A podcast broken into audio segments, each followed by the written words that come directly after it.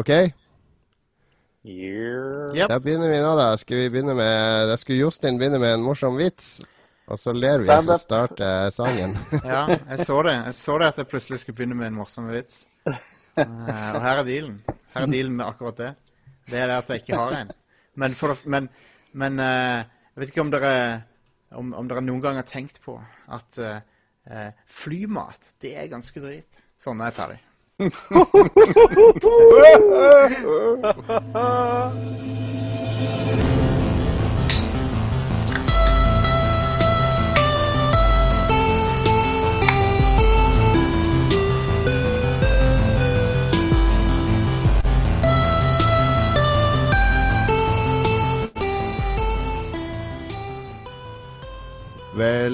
til en ny episode av Lolbua. Vi åpna med en chippa versjon av uh, introlåta til Downton Abbey.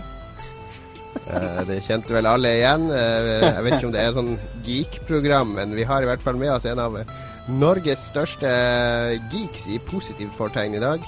Men vi har selvfølgelig med Lars. Er du med? Hello. Det går bra oppe i Harstad? Det gjør det. det gjør det. Hvem du sikter til er største geek? Ja, jo Eh, det er i hvert fall ikke Magnus Tellefsen. Han er, eh, han er geek på mange, mange områder, men eh, jeg tror vår gjest er større geek enn Magnus. ja, Og aldri i positiv forstand.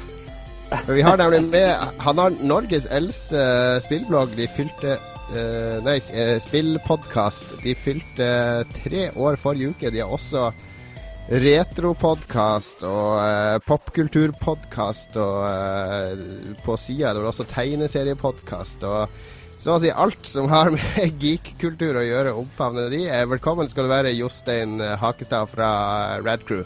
Tusen takk skal du ha. Det er hyggelig å, å være her. Um, så ja, det er supert. Supert å endelig bli med på Lollepua. Åssen er det å være med på en annen podkast enn sin egen? Det, er, det har skjedd et par ganger før. Det er alltid veldig gøy, fordi jeg slipper å tenke på noe av det tekniske. Så jeg kan bare sitte og prate. Det er, veldig befriende, syns jeg. Sitter du nå på samme sted eh, som, som du sitter når dere har uh, Red Crew? Jepp. Jepp, jepp, jepp. Eh, hjemmestudioet. hjemmestudio, ja. Som- Men hvordan, eh, Fortell litt om Red Crew. Hvordan, åssen kom dere på å lage det, egentlig? Eh, jo, nå skal du høre. Så jeg har jo lenge eh, mange, mange år så, så hørte jeg på spillpodcaster eh, fra, fra Uniten. Da. Eh, for eksempel eh, Giant Bombcast med Jeff Gerstmann og co. Eller eh, OneUp.com når det eksisterte. De hadde en del bra show. Eh, så jeg begynte å, begynte å høre en del på de, og diverse andre podcaster òg. Så tenkte jeg dette, det er ingen grunn til at jeg, ikke jeg kan gjøre dette her òg. Så, eh, så jeg, jeg bestemte meg for å lage liksom den podcasten som jeg sjøl hadde likt skulle, som, som jeg, hvis, jeg, jeg vil lage det som jeg sjøl hadde lyst til å høre på. Eh, det, betyr ikke, det, det betyr ikke at jeg sitter og hører på alle episodene som jeg lager sjøl, men jeg lager det showet som jeg mener eh, jeg hadde likt best sjøl. Eh, så Dere er jo en ganske stor gjeng. Hvor mange er dere som er mer eller mindre faste innslag eh, inn og ut? Seks-syv stykk. Ja. Eh, Dere har ei dame i tillegg. Det er jeg litt misunnelig på. Vi har, vi har to. To! Jepp, det har vi. Vi er Det er å overdrive litt, da. Er det ikke det? Om, om ikke likestilte, så er vi i hvert fall på godt vei, da. Og det, det Ja, det er kult, det er kult at, vi, at vi klarer å ha med eh, eh, folk av eh, begge kjønn og eh, forskjellige aldre. Så det er ikke bare Jeg mener jeg har prøvd å få tak i folk som ikke er bare på min alder òg. Folk som er litt yngre òg. Er det noen av damene som har noen asiatiske gener i seg? Mm, det må jeg nesten spørre dem om, men det tror jeg ikke. Nei, for det, jeg føler det er der vi skal ta, ta innersvingen på eh, Rad Crew. Det, da har dere trumfkortet. Da, kan, da har ikke jeg noen ting å stille opp med. Vi må Men, eh, finne en, en asiatisk chick uh, og bli med her. Men, men sånn Rad Crew har, har Det på en blir, måte det blir en veldig voldsom stillingsannonse, det, Lars. NB må være asiatisk. Det tror jeg et eller annet ombud kommer å stoppe. Det, det, blir, eh, det blir eh, wildfire på Twitter, skal jeg love deg. Det, da kommer politiet. Men eh, ja, nei, fordi vi ville fått så mye nerd cred, ikke sant, føler jeg. Det, det, ja, det blir jo Mm. ikke bedre enn det, da. Men de er nerdene du treffer akkurat der, det er jo en veldig smal gruppe som jeg ikke vet om vi skal sikte så, så mye etter, egentlig. Uh, men uh, Nei, så, så Rad Crew er en eh, Det er noe som har blitt til mens vi, mens vi holdt, holdt på med det. Så det begynte med veldig lite utstyr og ingen mikser, og nå har vi liksom bygd på en kloss om gangen, så, så har det til slutt blitt eh, litt større et, enn jeg trodde. Vi har, jo, vi har jo fått med oss eh, en gjeng som heter Nerd Alert, og eh, en, sånn, en annen gjeng fra Bergen som driver en tegneseriepodkast, og de er nå også en del av Ride Crew-nettverket. Ja. Det høres litt uh, Jeg skjønte det. jeg skjønte det. Og det her er- har selvfølgelig blitt mulig ved hjelp av uh, oljepengene i Stavanger. Ja, ja, vi er loaded. Jeg vet ikke om du har sett det, jeg vet ikke om du visste det, men uh, helikopteret mitt står rett utafor her. Ja, det, jeg kan tenke meg det. For Marius, du er jo fra Kristiansand. Er det ikke sånn litt sånn uh, rivaleri mellom Kristiansand og Stavanger? Du liker ikke når jeg kaller dialekten din for stavangerdialekt, f.eks.? Hvis det var bare du som gjorde det, så hadde jeg ikke brydd meg så veldig. Men det er jo en sånn gjenganger i Oslo. At alle tror vi er kristiansandere, enten fra Stavanger eller Men det eller ligner jo ikke. Det er jo ikke likt. Ja, det er jo litt likt, er det ikke det? Kan vi ikke erkjenne det? Det Det er, jo Det det er litt skarring, eller det er litt uh, Vi skarrer på R-en, men det er ikke så mye mer enn det. Pluss at det er jo gamle Start Viking-rivaleriet må jo trekkes inn her som en bidragsyter til den feiden der. ja, ja. Start er best, da. Det, det må jeg bare si. Jeg, jeg, Så deilig å høre. Ja. er men jeg, jeg Godt å det høre fra en fiddis. Det, det er kanskje litt som Sverige og Norge, at uh, Kristiansand er Sverige med litt industri, og de har Sabeltannland og dyrepark og sånn. Altså Stavanger de har oljen, akkurat som Norge, så Ja. da er det litt sånn rivaleri der, kanskje. Nå snakker du jo om eh, prøveboring i Skagerrak, da. Er, og du har jo de National Oil Well har jo forankra seg som en sånn hjørnesteinsbedrift i Kristiansand. Så det er bare snakk om tid her. Jeg tror hele byen eh, prøver å få olja inn der nå, så vi får se. det, det nærmeste jeg kommer å få en, eh, et øre av oljepengene, det er også å spille Dig Dug. Så eh, jeg har What? Får du penger for det? Nei. Men det er det nærmeste.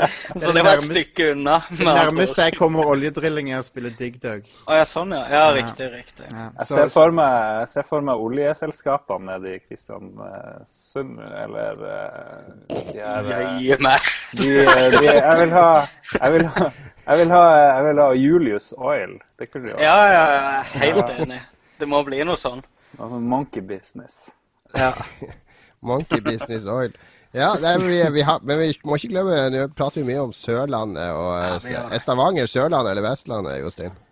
Å, man, det, er- det er midt imellom et sted, føler jeg. For at når folk sier Vestlandet på TV, så mener de alltid Hordaland og sånn, føler jeg. Hordaland og oppover. Ja. Ja. Ja, Sør-Vestlandet. Men vi har jo røttene i Nord-Norge, og jeg skjønner at det er mye drama der oppe nå, Lars. Jeg har fulgt tett med på denne ansettelsen av ny prest på Ibestad.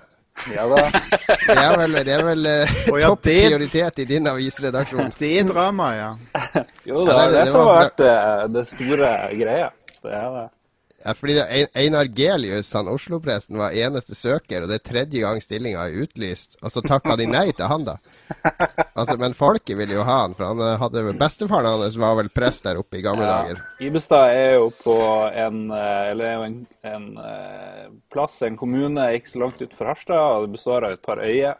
Og Der har det vært veldig vanskelig å få prest. Og så søkte Gelius, da, kjendissexpresten, som den eneste. Og det har vært sinnssykt mye drama. og Folket ville ha han, og de gikk i fakkeltog. Over halvparten av innbyggerne gikk i fakkeltog for å få han opp dit. Hvor mange? Nei, det var vel 400, noe sånt. oi, imponerende. Ja, ja, ja. 400 av 2000 innbyggere, faktisk. Ja, ja, var det Var det, var det, Var det ikke 1000?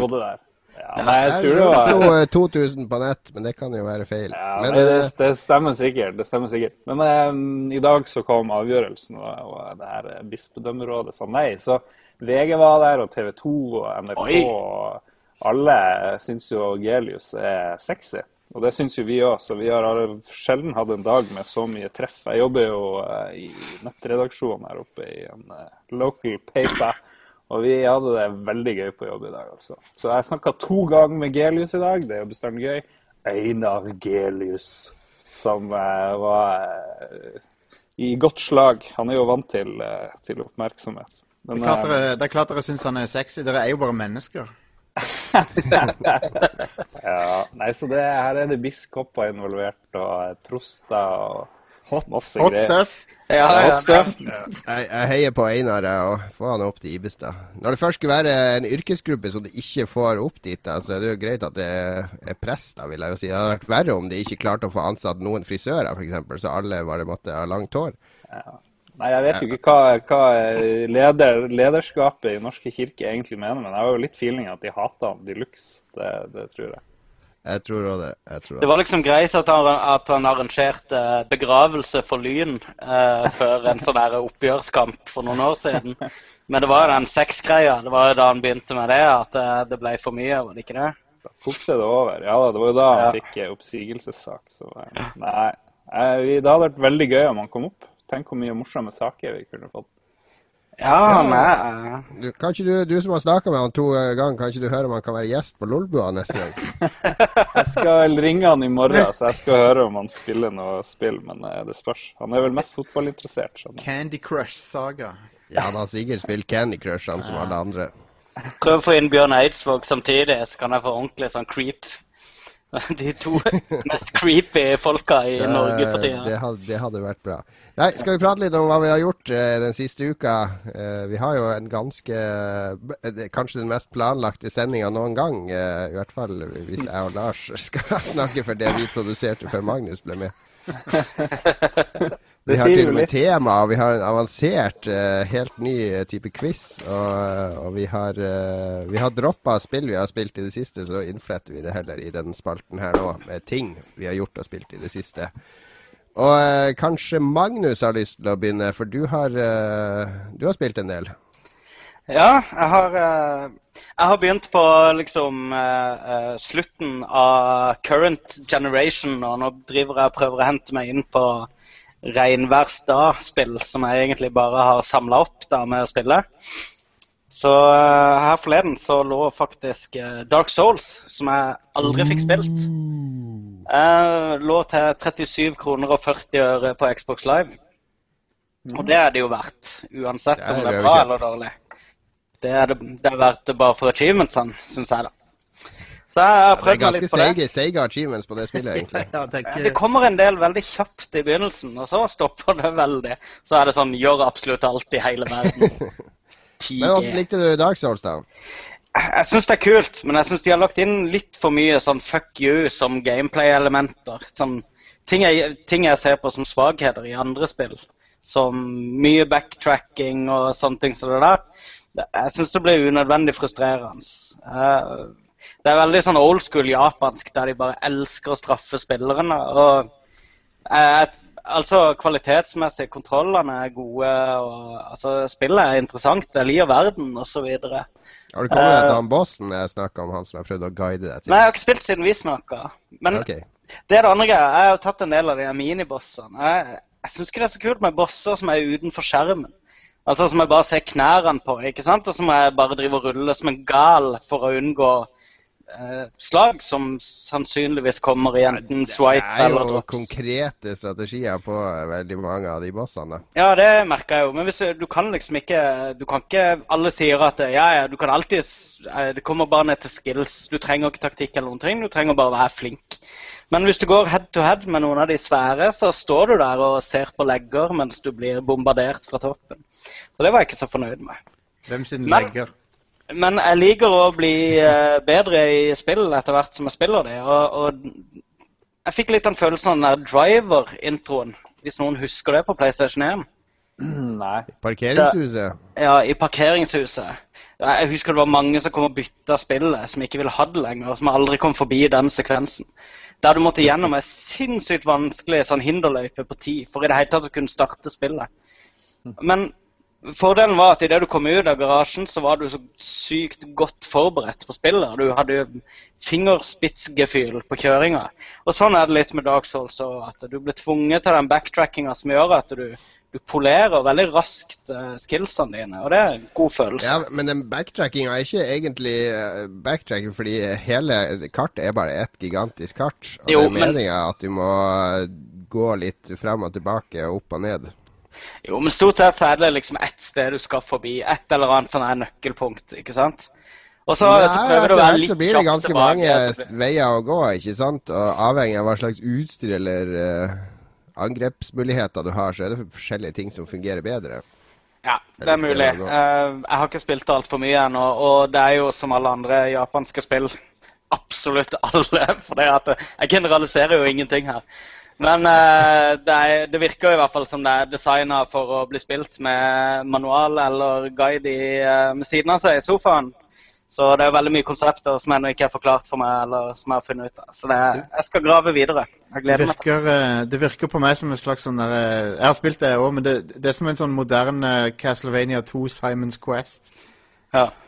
Der du, eh, der du må ha manualen foran deg. Der er sånn der, og, og men på dette, du kommer ikke videre før du liksom kneler inn i det ene hjørnet og så finner en item i eh, inventoryet ditt, så holder du inne en knapp.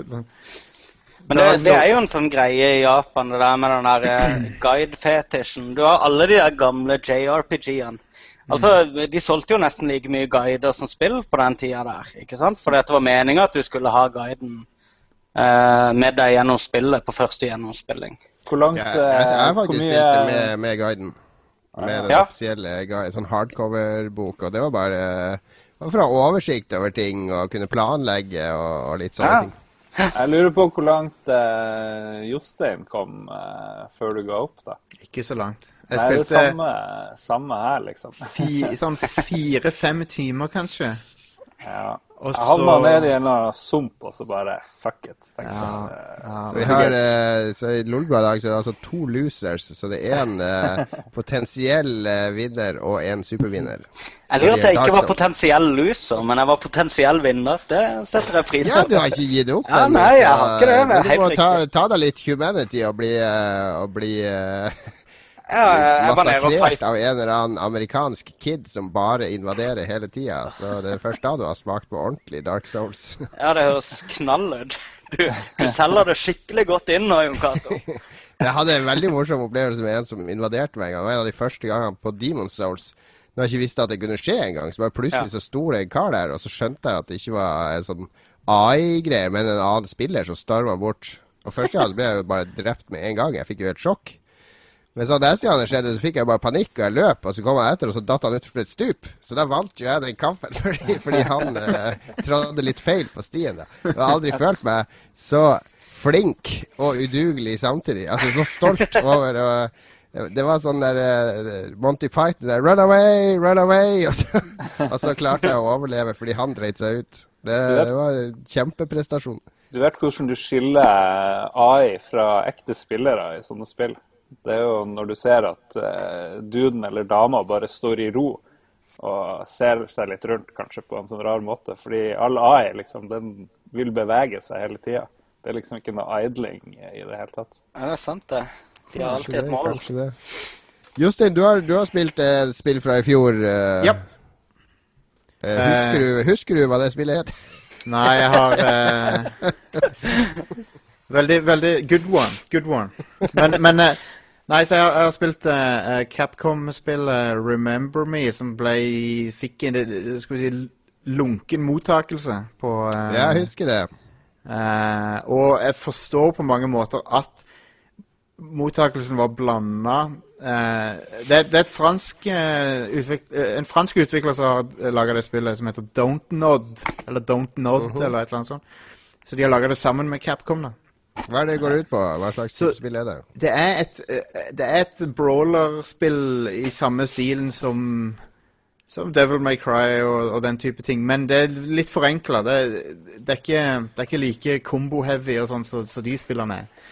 Uh, i, tillegg, I tillegg så deles spillet opp i sekvenser der du skal eh, remixe hukommelsen til folk. da. Og det, det er kanskje det kuleste i spillet. Men det, det minner meg om eh, sånn Fifth Element-aktig fransk eh, Luc Besson sci-fi. Det, det er det er det det, er stilen de har gått for, og den, og den eh, stilen nailer de.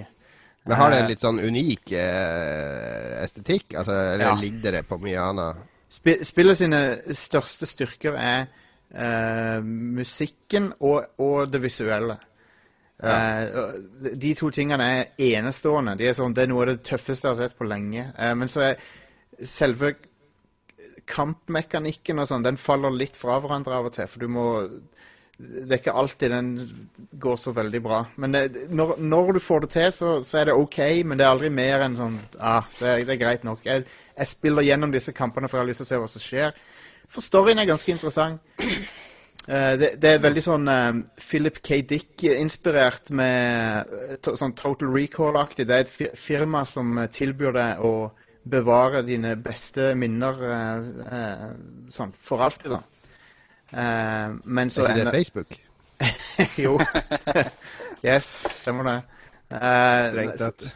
så, nei, så det, det er en det, det er en sånn nær framtid, da. Så er det Så er det blitt sånn i Neo-Paris, der spillet foregår. Uh, der at uh, Det er en del folk som begynner å slite. da Noen blir sånn der addicts uh, av denne teknologien. Eh, og eh, andre blir eh, bare gale, da. For at de eh, Akkurat som disken blir, de, disken blir fragmentert, sånn, så Ja, ja.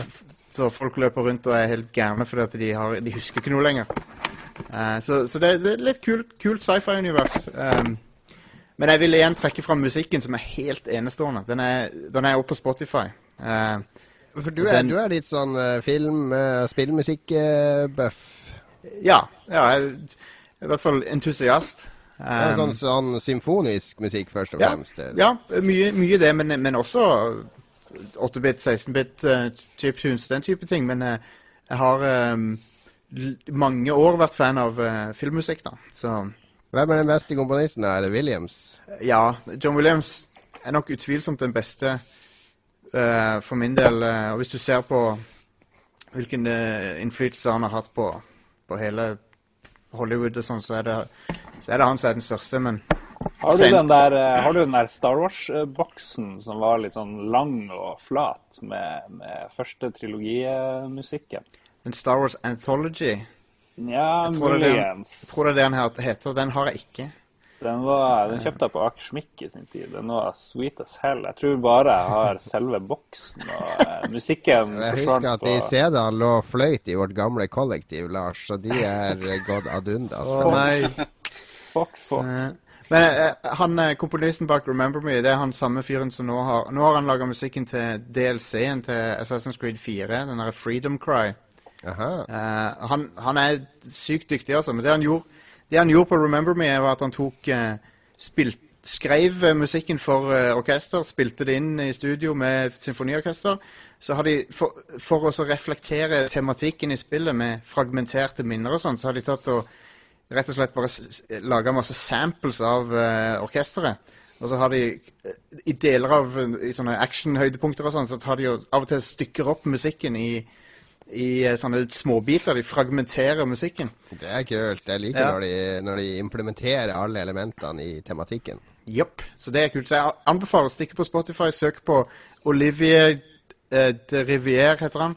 Og musikken til eh, Remember Me. Det, den er dødsfet. Men spillet er også gratis på PlayStation Plus, så det koster deg, det koster deg kun tid å spille det spillet, ikke penger. Så det er verdt å sjekke ut. Og og hvis du ikke har PlayStation Plus eller PlayStation, men bare Xbox, så vedder jeg på at det ligger i de der eh, 99-kroners-kurvene på spillsjappen nå. nå. Det, det er et spill av den typen som gjerne havner i 99-kronerskurven.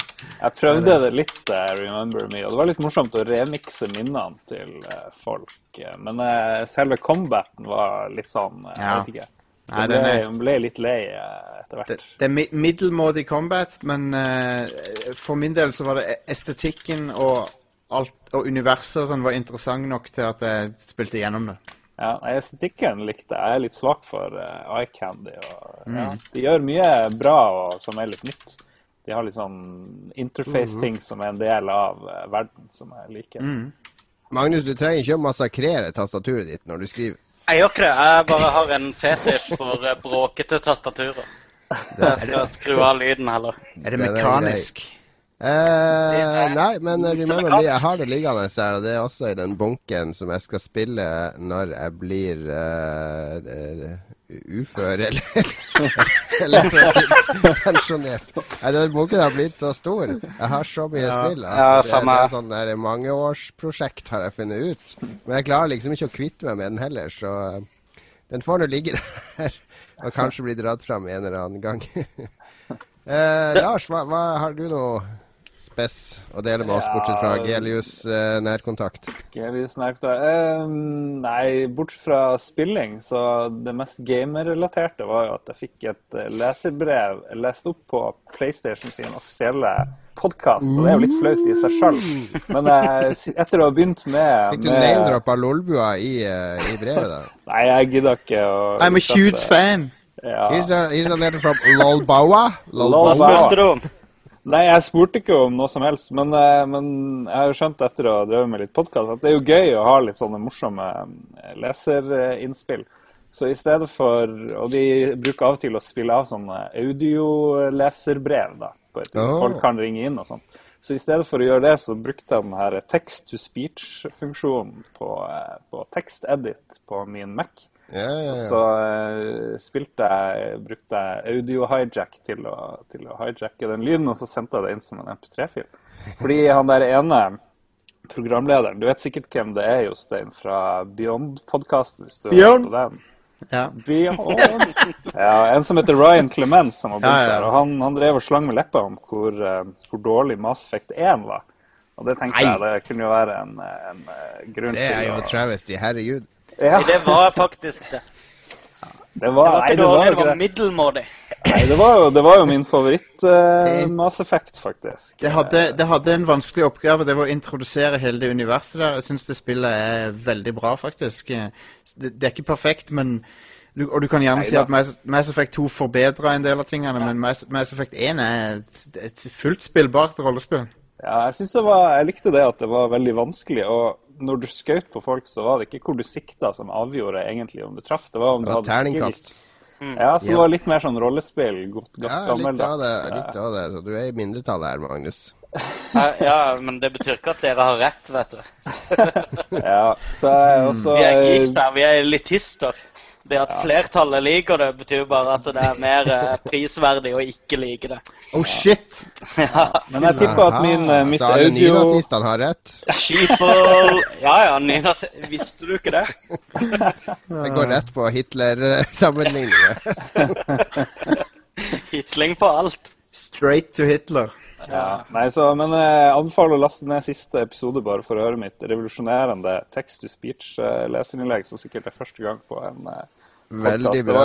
Sånn, sånn, er det lyd eh, Eller sånn er det Å ringe inn sånne ting, det har jeg tenkt på at vi skal ha med i Lolbua. Men da i sånn samme stil som Husker du de debattprogrammene på TV2 på 90-tallet? Det var på slutten sånn tut, tut, tut, tut. Stå på, Karl Ivar! Vi er mange med deg! Nei, nå må Arbeiderpartiet skjerpe seg! Det er jo skatter og avgifter overalt!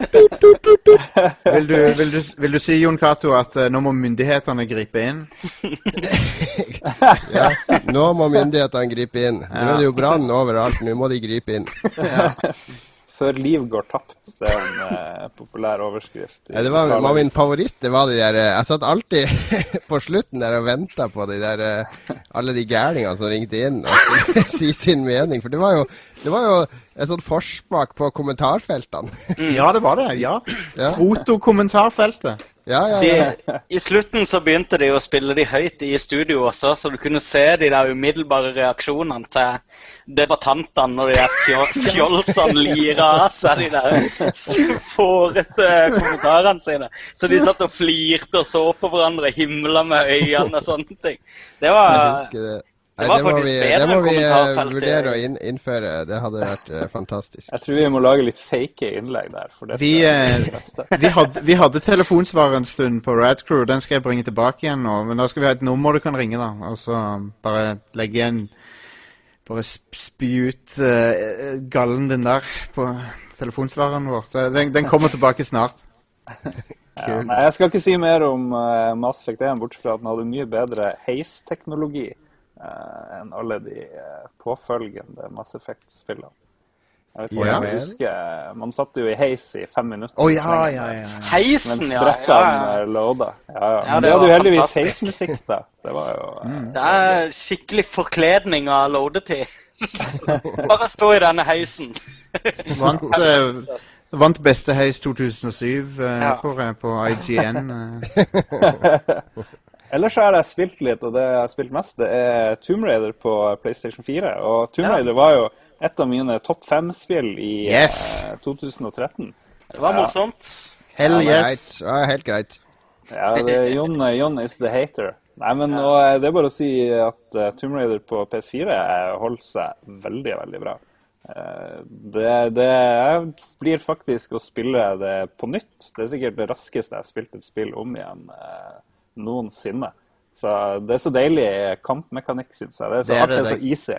Det er Alt er så enkelt. Det bare flyter av gårde. Det, og- det, er det, beste, det er det beste First Blood-spillet som er laga noen gang. For du, for du, du blir Bra kategori. Ja, men det er, det er liksom Ja, ja. Du, du føler deg som Rambo i First Blood av og til i det spillet der. Det er drittøft. Ja, og etter å ha spilt litt Killzone, så syns jeg jo historien er strålende bra fortalt. Ja, De der nederlanderne de kunne ikke fortalt en god historie om de så eh, et eller annet, et eller annet. Nei, eh, jeg har vært på besøk hos de Guerrilla Games, og det, det er jo bare sånne tech-geeks i hele det studioet der. De, Det er bare tech, tech, tech, tech, tech, tech, tech hele tida. Bare masse Carmax som løper rundt. Ja, ja. Nei, og, kje- Kjedelige folk. Ja. Men eh, musikken, siden vi har en musikkinteressert mann her, så musikken er veldig OK. Det er vel en egen episode med sånn behind the scenes som er ekstramateriale på spillet, hvor man får se en sånn eh, crazy bastardinstrument som han lagde, liksom, som skulle være sjela i musikken i spillet, hvor han lager mye, mye greier og ble in- inspirert av det. Så ja, nei, mye å like med det spillet, altså. Det eneste jeg ikke syns var så kult, det er den der redesign av trynet. Det har vært veldig mye om at Lara ser annerledes ut. og i- noen vinkler så ser det ut som hun har sånn her megajaw og blir litt sånn bokser eller litt sånn bola. I noen, Alle eh, særtrekk er bra, spør du meg. Du må ikke bare gå for sånne beauty-mal. Det er jo gørrkjedelig. Men eh, eh, i de bildene jeg har sett, så ser det OK ut. Det nye fjeset. Ja, det er helt greit. Det er vel mest hvis du freeze-framer det litt sånn eh, her og der. Og det har du gjort mye av. Ja, det har, Som seg hør og bør når man eh, spiller Tomb Raider.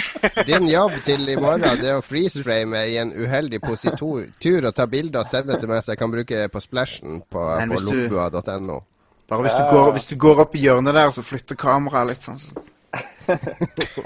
Du, du må ikke tulle med det, Jostein, for det husker jeg vi prøvde på Battle Arena Torsinden. For der, der, kunne, der kunne du flytte kamera for å prøve å se opp det skjørtet på, på jenten. Battle Arena Ja, det, det husker jeg vi gjorde, faktisk. En gang i tida. For, for en klassiker. Battle Arena Torsinden, det er Husk at det, det var kun Battle Arena Torsinden eh, i to måneder før Tekken kom. Ja. Så vi spilte jo ganske mye Battle Arena Toshinden. Men Tekken, altså. For en wannabe. Det er Battle Arena Toshinden, det er det som er tingen. Ja, jeg var på. Jeg har spilt uh, Jeg har bare Nå skal jeg ta på meg en skryt-pace-hatt, for jeg har bare spilt to spill. eh, Nå tror jeg du må der forsvinner Jon. Nei. Uh-oh. Jon Cato. Eh, det, er, det er noen spill som kommer ut i februar en gang, så vi får snakke om det en, en annen gang. Jeg må jo ta alle de, de spillene så tidlig på FOM, først og fremst, fordi de eh, de har seks ukers trykketid, så da kan du jo prøve sjøl å være aktuell med anmeldelsene med å spille vanlig promo. Men Jon, vi hørte ikke skrytinga di, for du bare forsvant. Men du har altså fått noen spill litt tidligere enn oss andre. Det det. Ja, jeg har fått, uh, fått noen spill som kommer i slutten av februar, som er spillen som vi kan snakke om gang, fordi eh, det er jo embargo og sånne ting på de. Ja, Men jeg, jeg spilte verdens kuleste kortspill den helga her med, med tre venner. Det heter Love Letters. Det er et kortspill med 16 kort, der man skal sende kjærlighetsbrev til en prest. Ai, ai, ai. Oh. Cato begynner å snakke om kjærlighetsbrev, og da forsvinner han helt over i sin egen dimensjon, selvfølgelig. Det er, det er sikkert noe som Google ikke liker, tror jeg, så de bare blekker han ut. eh, Det Ja. er nok det som skjer. Det er Big Brother, NSA, griper inn. Prism.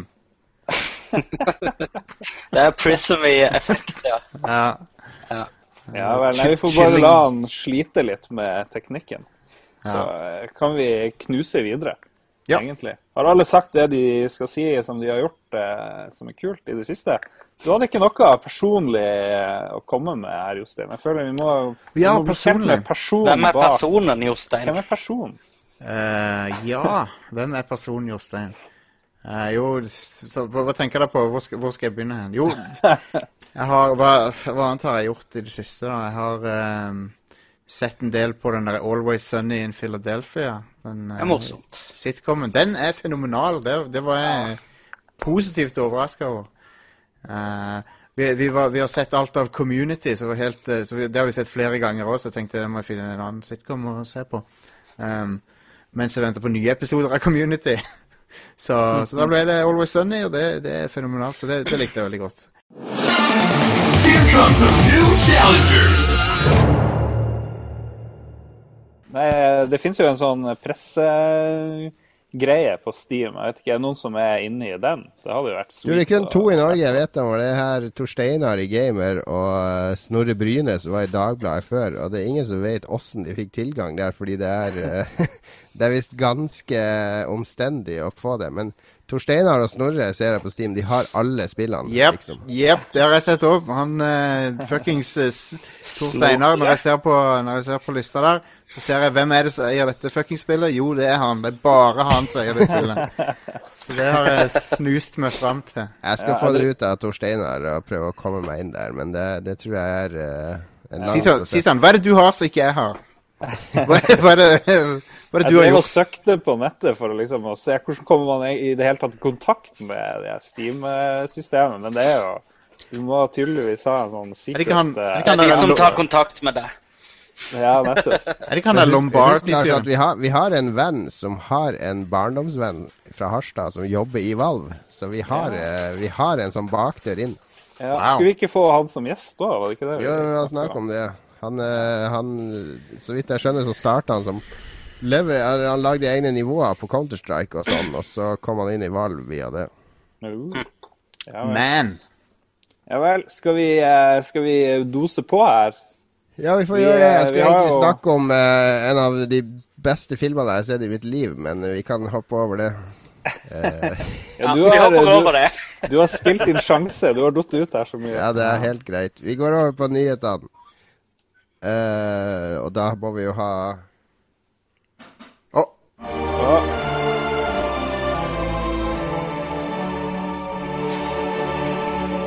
sånn. Den kjente du igjen, Jostein. Det gjorde jeg. Det gjorde jeg. Det er Jostein, legg du på kjente lydene. Zelda-jinglen når du åpner en kiste. Men Jostein, legg dere på lydene deres i etterkant. eh, Eh, vi har Det er en Nei. nei vi, omtrent alt du hører av uh, lyder uten Altså alt som du hører mens vi snakker av sånne lyder, det, det er live, men så er det en Det eneste jeg klipper med Rad Crew, det er pausene. OK. okay. Yep. Impressive. Du har ikke funnet noe bra program for å lage sånne lyder, så du har leid inn han der, uh, han svarte politimannen i politiskolen. Han sitter Ja. alltid ved siden av deg med en egen mikrofon og Ja. lager sånne Ma Michael Winslow. Michael Winslow er hjemme hos meg hver onsdag. Veldig mye uh, skytelyder og helikopter. Ja, ja. Nei, vi, vi er inne på nyhetene, gutta. Og uh, den første er jo uh, Tomb Raider Gate. Uh, for Digital Foundry og alle andre som har sett begge versjonene, går ut fra, har jo oppdaga at spillet er 60 frames på PS4 og 30 frames på Xbox 1. Er vi sjokkert over det? Jostein? Eh, ehm, sjokkert, nei. Overraska, nei. Det har vel, vel kommet fram eh, etter hvert at eh, det er litt forskjell på ressursene som de maskinene har til rådighet. Så eh, det er ikke det første spillet der det er en viss forskjell på performance, da. Så Men det er jo det spillet som har størst forskjell i performance, kanskje. Det Kanskje, kanskje, ja. ja. Uh, ja, det er jo ganske dramatisk med 20-30 frames i forskjell, sånn sett. Uh, så Ja. Jo, det er vel ikke sånn at Tomb Raider på PS4 ligger hele tida på eh, 60 frames, men gjennomsnittet var vel på over 50, så Ja. Og det er veldig smooth å spille det. Jeg har ikke reagert. Jeg så på NeoGAF at de som de største fanboys av eh, Microsoft, de sier at de vil heller spille det lukka 30 frames enn på eh, Ja, PS4, hvor det liksom varierer fra 60 og ned til eh, 30 av og til. Men det tror Men jeg er aldri ned til 30. det er Vent litt. poenget. sier, Vent litt nå. Sier du at det er fanboys på NeoGaf? Nei, ja, det kan, jeg kan ha tatt feil. Jeg kan ha tatt feil. Du blander her, ja. Ja, men det, det er ingen av dere som har Du har ikke eh, Xbox 1 ennå, Jostein? Nei, jeg har ikke en X-bone ennå, men uh, jeg har uh, Jeg vet ikke. jeg- Avhengig av hvor fuckings lang tid det tar f f- at, før han blir lansert her, så kommer jeg kanskje til å importere en. Uh, hvis det drøyer til 2015, så begynner jeg å vurdere det. Ja, for jeg, for jeg, er jo- jeg, er jo- ja, har, Ja, Hadde ja. de den på game, Magnus? Hadde Ja, jeg var nede nedom der i stad, faktisk, for bare noen timer siden og kikka. De selger importkonsoller til fem og et halvt. Oi, De, de har inne. oi, eh, ok. Da må jeg gå ned dit en tur, Jeg kanskje. da. står jo her med kontoen full av studielån, så jeg må jo ærlig innrømme at det klør. Word, word. Nei, nei, altså jeg har jo maskin, og jeg kan Ja. si med hånda på hjertet at jeg er ikke sjokkert over at det er en, den forskjellen på dem, for det er strikk- og binders-OS-et som de har sendt ut sammen med maskin. Det er noe av det mest laggy og bugga, og det er sånn at det, det hakker i oppdateringen når du skifter fra en sånn fane til en annen, liksom. Wow. Når, det, det har ikke jeg opplevd på siden jeg hadde Windows uh, før Windows 95, liksom. Sånn, sånn lag Mens- i OS-et. Mens OS-et på PS4 flyter jo som smør, så Ja, det, det er en enorm Ja, forskjell hvis du har prøvd begge to. Og, og det virker jo som eh, Ja, nei, jeg, jeg, jeg snakka litt med Magnus om det eh, for noen dager siden. Altså, jeg, jeg er veldig pessimistisk for hva de egentlig har produsert. Det virker Ja. som det er ingen sånn overordna arkitekt, sånn som han Mark Cerny, som sitter og forsikrer seg om at det og det og det skal funke. Det er bare en masse deler av Microsoft som har slengt til. Vi gjør det sånn og sånn og sånn, og sånn, og så har det blitt et lappeteppe av ideer. Det du sier nå, det rimer veldig med det jeg har hørt, og det er det at eh, alle skulle ha sin bit av kaka i Microsoft når konsollen ble designa. Altså de, de folkene som er liksom Mediabox-folkene, de, må ha- nei, de, de kommer og sier nei, vi må ha så og så mye ressurser på hardwaren her. Så det kommer liksom folk inn fra forskjellige avdelinger i Microsoft og gjør krav på så og så mye hardwaren, og så til slutt så får du en sånn en altmulig-maskin. Det er litt sånn som den der bilen Homer designer i Simpsons-episoden. Der eh, du skal liksom, den, denne boksen skal gjøre alt, sånn. Jeg vet ikke. Men, Men, det, eh, er jo, eh, det høres jo veldig ut som PlayStation 3, egentlig. Ja, det, Det var jo også da du hadde hifi-avdelinga til Sony ville inn på Og liksom de skulle ha inn og gjøre PS3 til først og fremst en sånn stue entertainment-boks og ikke spillkonsoll. Eh, entertainment-boks med mulighet til å installere Linux. Ja. Ja, det, det, det, er helt sånn paradoksalt, for det er liksom det, det er alltid snudd opp ned. Det har blitt sånn Ja. Bizarro-verden. Alt Ja. som PlayStation gjorde bra, det gjør eh, det, det gjør Alt som PlayStation gjorde ræva, det gjør Microsoft nå. Og alt som Microsoft gjorde bra, det gjør PlayStation nå. det er bare blitt snudd helt på hodet.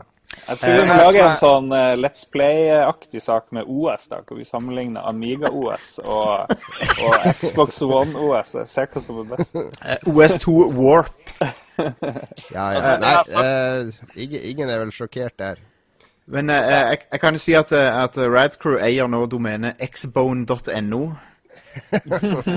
Og Som- det begynner å bli en gammel vits nå. Ja, det gjør det. Men vi, jo, jo, men vi eier det domenet. Vi har ikke gjort noe med det ennå. Uh, så vi får se. Kanskje jeg linker det til en video av Steve Ballmer keynote eller et eller annet sånt.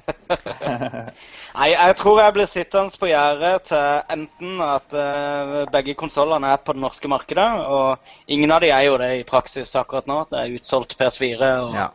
og eh, Xbox One er jo ennå ikke lansert. Det er enten til det, eller at det kommer en must have-tittel som tvinger meg til å importere. Det kan jo bli Titanfall, men det morsomme med å ha en maskin som ikke er på ditt marked, er at jeg må velge hvilket marked jeg skal tilhøre. Så jeg har vært, eh, vært litt fransk i starten. Xbox! Eh, på, Polevo! Eh, sa han skjønner det. Kinect funker veldig dårlig på fransk, har jeg funnet ut. Og ikke spansk heller. Det kan være at jeg er dårlig i de språkene, men Nei, nei, nei. Nei. høres sånn ut. Hvis du er sier 'parlevo' til Xbox. Xbox, snakker de? Ok, Vi har en nyhet til som jeg skrev opp i siste liten. nemlig, Har dere vært og stemt på gullstikka ennå? Eh, Ja. Nei. Fordi de, eh, de har jo som kjent ikke noen uh, fagjury i år, fordi alle spilljournalister har takka nei, så de samarbeider med Game Reactor, som har vært og tilført noe. Men altså, så kan du gå inn på sida deres og stemme på spill hver dag. Da de legger ut en ny kategori hver dag, og det har jeg jo gjort, for jeg syns jo det er artig å være med og stemme. Men de har ikke uh, De har fjerna rollespill- og eventyrspillkategorien, da. Sånn at uh, Pokémon f.eks. er nominert til årets actionspill sammen med GTA. og Uh, Mario og Luigi Dream Team Bros er årets casual-spill. Og det, det er en del veldig rare Det er ingen, som... det ingen casual-spill i casual-spillkategorien. Ja, og Luigi's Mansion 2, et spill uten hoppeknapp, er årets plattformspill. Yes. Så Og så har de De kutter rollespill og eventyrspill, men så beholder de skytespill og actionspill. Ja, det er både skytespill og actionspill, men ikke Ja. plass til eventyrspill. Ja, men det, de, de, de er jo, det er jo bestselgere som er nominert, så de, de får jo opp og fram de spillene de vil. Men jeg er spent på Tror det er noe feil med det avstemningssystemet. Fordi hver gang jeg går inn, så får jeg lov å stemme på de jeg har stemt på før, på nytt. Ja. Så jeg har, jeg har lagt inn ganske mange stemmer på Pokémon nå som årets actionspill, så kanskje, kanskje blir det en uh, major upset på gullstikka. Ja, kanskje håper... Vi skal mobilisere litt på akkurat det. jeg håper ingen forteller 4chan om dette her. Da går det galt. Ja, vi skal ikke oppfordre til noe uh, kampfiksing her, eller påvirke resultatet. Lolbua-lyttere gjør jo selvfølgelig akkurat som de vil, men Pokémon er jo et knall actionspill. Du du bruker ikke, du bruker ikke Lolbua-pisken. Og sier hva folk skal stemme på. Vi gjør ikke det. vi gjør ikke Nei. det. Det var vel egentlig det vi hadde av nyheter denne gangen. Det er jo en nyhetsfattig tid, er det ikke det? Uansett. Ja, vi er kunne jo snakka om de her king.com og de greiene der, men det føler jeg at det har blitt snakka i hjel overalt. Det har ingen av oss som kan juss. Tydeligvis. Eh, men vi har valgt et uketema denne gangen, for vi snakka om noe gøy forrige gang som Lars eh, plutselig kom med et innfall, nemlig filmregissører som i stedet for å lage film, skulle lage spill. Hva hadde de da laga? Og vi tenkte vel eh, å ta for oss to stykk hver, da, der vi fantaserer litt om hva slags spill vi ser for oss at de, de hadde laga. Og Jostein, du har eh, fulgt oppgaven til punkt og prikke. Det har jeg. Eh, skal jeg ta en av skal, skal vi ta to hver sånn med en gang, eller skal vi ta én hver? ta hver? og en, så en ta en hver i starten. Altså. Det, Ja. det, er- gjelder det å bruke fantasien og se for seg hva slags retning de har filmatisk, og hvordan det er overførbart til, til spill. Jeg syns i hvert fall det var en veldig spennende oppgave. Absolutt. Så jeg har, den ene jeg har tatt, er John McTiernan, Oh. som har uh, laga Die Hard, Predator uh, og eh, en rekke andre filmer, og har sittet i fengsel. Aha. Det har han også. Jeg, jeg lurer på om det var noe sånn økonomisk uh, hvitsnippforbrytelse han satt i fengsel for. Eh, jeg tror det var en sånn skatteunndragelse eller noe. Samme som Wesley Snipes. Han satt også i fengsel for det. Ja, han, Anyway. han har noen klassiske actionfilmer, da. Det har han. Han har Predator, Die Hard, uh, Hunt for Red October uh, og uh, The Last Action Hero. Die Hard 3 har han. Så ja, det sier seg sjøl. Jeg, jeg tenker meg at han eh, kunne Han kunne kanskje tilført eh, eh, nå, skal, nå holdt jeg på å si actionspill, men det vet jeg ikke hva er lenger nå pga. gullstikk. Men, men Litt sånn kunne Pokémon-aktig. ja, ja, et actionspill som Pokémon X og Y. Eh, men, men jeg føler han det, det som han har gjort i mange actionfilmene sine, er at han har eh, de, de, er, de har veldig bra plotting. De, de har eh, Det er mål og mening med det som skjer. Eksempel i Die Hard. Der er det eh, De har eh, Rollefigurene har en, eh, har en ark, som de sier. De har, de, liksom, de har en historie. De, de kommer ut andre enden av filmen eh, forandra. De er ikke, de er ikke bare, sam, de er ikke bare todimensjonale. Så det, så det tror jeg at hvis han lagde et actionspill, så kanskje han kunne tilført litt mer, tilført litt mer kvalitetsplotting og dybde. Det er til- sabla, sabla godt poeng, egentlig. Det er jo De fleste actionspillhelter de er- forandrer seg litt den første halvtimen, og så er de mer er eller mindre Ja. den samme fram til spillet er ferdig. Stemmer det. Men hvis du ser, hvis du ser det som eh, John McLean går gjennom i Die Hard 1, liksom, så han, han, han går virkelig gjennom kjøttkverna, sant? Så han Ja, ja, ja. Men utvikler han seg veldig som karakter i løpet av filmen? der? Han er jo en ny mann i slutten. Han er, han er jo men, men, OK, men se på han, se på han, uh, han uh, politimannen som Reginald Vell Johnson spiller. Han, uh, han som også var i Family Matters. Han, uh, afroamerikanske politimannen i Die Hard. Han, Sergeant Al Power. stem, stemmer det. Han, han Wow.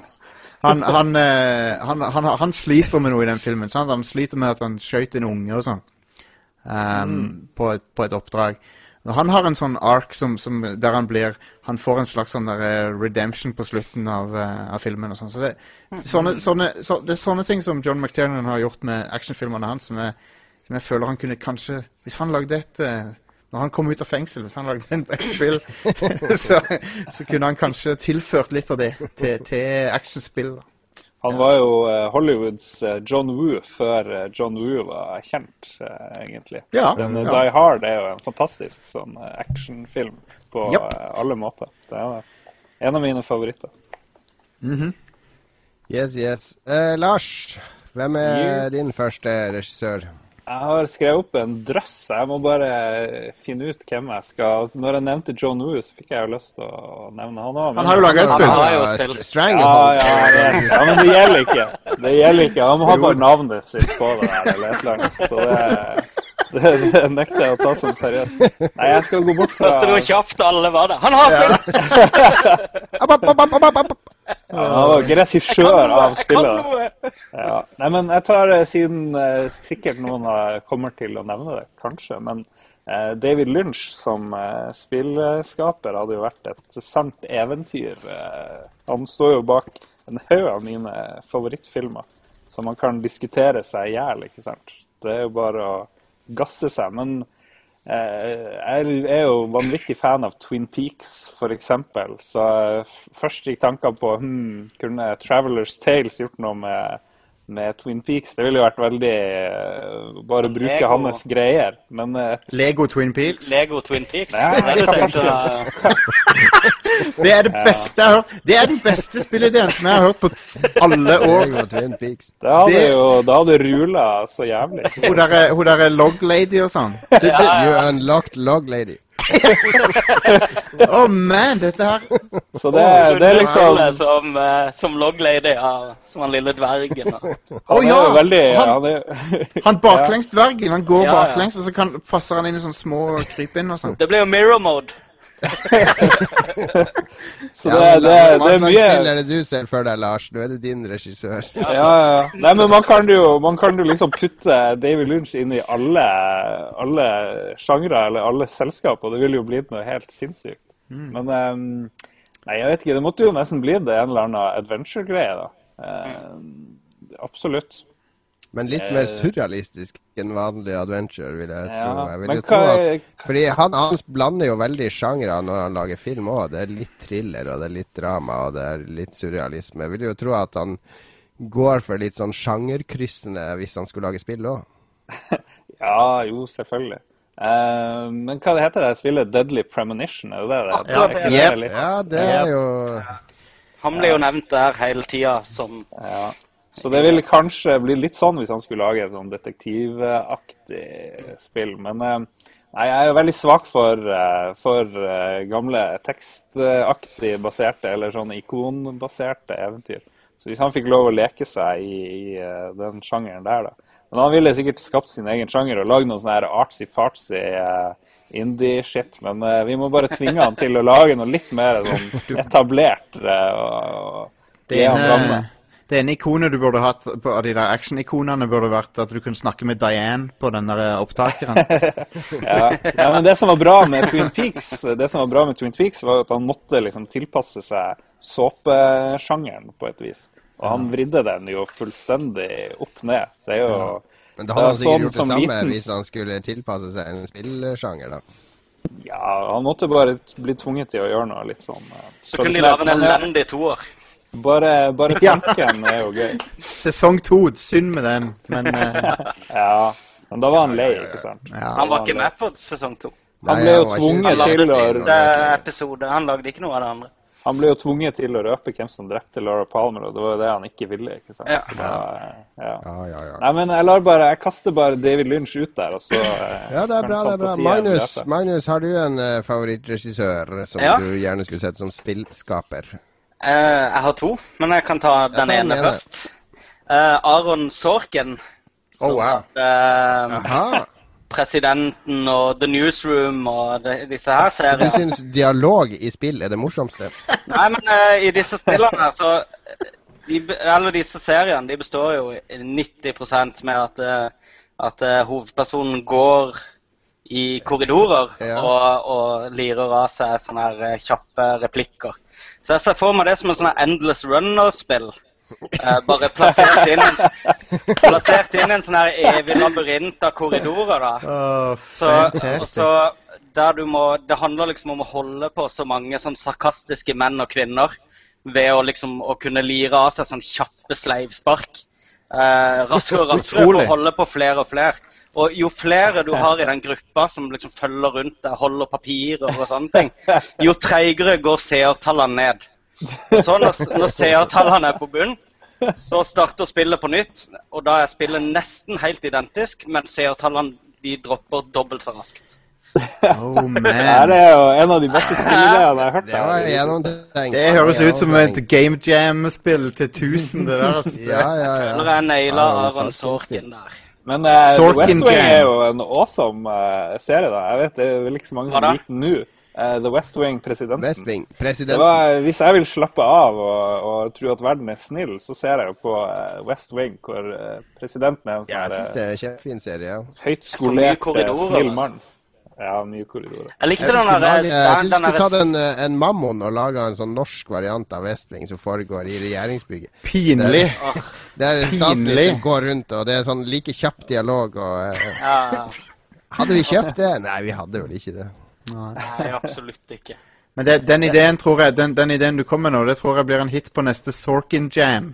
Ja, det, det er nå neste måned, er den det tror jeg du ligger an til å vinne, Lars, Ja. hvis du lærer deg å programmere litt. Nei, jeg har, eh, jeg juksa litt, for jeg har to regissører med en gang. For de heter Vam, Vam og Vennerød. Du kan Oi. ikke skille de fra hverandre. Og jeg tenkte eh, umiddelbart når jeg tenker Hva med Vennerød, så tenker jeg sånne utrolig grimme pek-og-klikk, eh, sosialrealistiske eventyrspill med, med, der de har valgt at figurene skal gå ekstra sakte for at du skal føle lidelsen deres. Og at du, du skal gjøre ganske mange monotone oppgaver for å se hvordan uh, et realistisk hverdagsliv er. Og jeg tror mange av de jeg tror det er penger å hente her ved å få spillrettighetene til f.eks. Adjø solidaritet eller eh, Lasse og Geir eller noe av de klassikerne. Og lage pek og klikk-spill av de filmene. Tenk på det. da. Oh, man. Hvor du skulle få de pengene fra? Hvem er det som skal kjøpe film, det? Filmfondet, vet du, det er jo bare å ringe, ringe til Okaya, så, så har du en sjekk i posten. Du trenger bare si hei. Dette her, dette her er bare greenlight det der med en gang. Det, det høres uh, helt Ja. Ja, jeg, jeg, hadde, jeg hadde vært med å kickstarte et Vam og Vennerød PK-klikk-eventyrspill, Det kan jeg love dere. Jostein, skal du ta din andre regissør, siste? Uh, Ja, det skal jeg gjøre. Uh, og det Hvis, hvis er du ikke hadde Vam og Vennerød, du òg. Uh, Filler nå jeg hadde Nei, men jeg, jeg hadde Jeg har faktisk eh, valgt eh, John Carpenter der. Uh, som er kjent fra sånne ting som Escape from New York og eh, The Thing. Og uh, diverse andre. Christine og Ja, Christine. Og uh, eh, They Live. ja, Som, ikke minst med Ronny, Ronny Piper. Yes, stemmer det. I'm here to kick ass, kick ass and two bubblegum. Pro problemet er jo at mye av, av hans sine ting er stjålet og putta inn i spill. da. Mm, uh, mye John Carpenter-ting har funnet sin vei inn i spill. Men, men jeg, jeg tror at et, Han er jo for øvrig en gamer, da. Jeg visste, vet ikke om jeg visste det. Han, eh, han, han submitta jo sin eh, topp, eh, toppliste for de beste spillene i 2013 til giantbomb.com, faktisk. De har John Carpenter sine favorittspill fra 2013. Oi. Eh, det var interessant lesning. Og han, eh, han likte f.eks. 'Remember Me'. Det syns han var kult. Um, Men, men eh, jeg, jeg tror at hvis du gir, et, hvis du gir han en oppgave i å lage et skrekkspill Jeg tror han kunne naila det ganske godt, altså. Hvis du ser på um, uh, altså Selv om andre spill har kopiert hans sine filmer, eksempel Det er jo et The Thing-spill, til og med. Men, Ja, ja, men, uh, men uh, hvis, hvis han hadde fått sjansen til å lage et, et skrekkspill, gjerne et sånn sci-fi-horrorspill, så tror jeg han kunne virkelig naila psykologien i det. For hvis det, The Thing er en av mine favorittfilmer. da. Den syns jeg er fabelaktig. Um, Lars, du har muta mikrofonen din. Jeg vet det, for jeg driver og roper til mutter'n. Ikke Ja, at hun skal sette i Ja, gang vaffelpressa. Ok, beklager. Jeg ropte at du måtte ta med en en øl. da. Jostein. Det hadde vært en nøkkel at han måtte lage musikken også sjøl. Fordi Ja, han, jeg det har han gjort jo- i veldig mange filmer. Liker Jeg du filmmusikken hans? Han har Ja, det ganske jeg. unik identitet. jeg, jeg liker godt musikken hans. eh, Si hallo, mamma. Den har Hallo, hei. Hei, hei. hei. All, uh, t- OK, så jeg, ja, jeg syns hans musikk er, skikkelig interessant. Um, og eh, om enn veldig planta i den tida der han var stor, da. Så musikken er jo Men jeg, jeg sjøl elsker jo 80-tallet og, og Ja. Du glemte jo å nevne kanskje den største filmen hans, 'Halloween'. er jo vel den han, han Ja. brøyt ordentlig gjennom. i. Hallo- Halloween er jo gjennombruddet hans. Det er jo en, eh, nesten oppfant den slasher-sjangeren. Um, så så jeg, tror, jeg tror hvis du hadde Hvis du hadde gitt han et skrekkspill, eh, så kunne han ikke bare gjort det til et eh, sånn effektiv i, i, effektivt i horrorforstand, men han kunne injisert litt av den eh, eh, Carpenter-personligheten sin inn i det, med humoristiske replikker som er veldig minneverdige. og sånn, som Nesten alle filmene hans har minneverdige replikker som folk går rundt og siterer, som, ja, ja. ender, som ender opp i spill, ender opp i popkulturen generelt. Uh, så, så jeg tror uh, Ja. Det, jeg, vil, jeg vil at han skal lage et spill.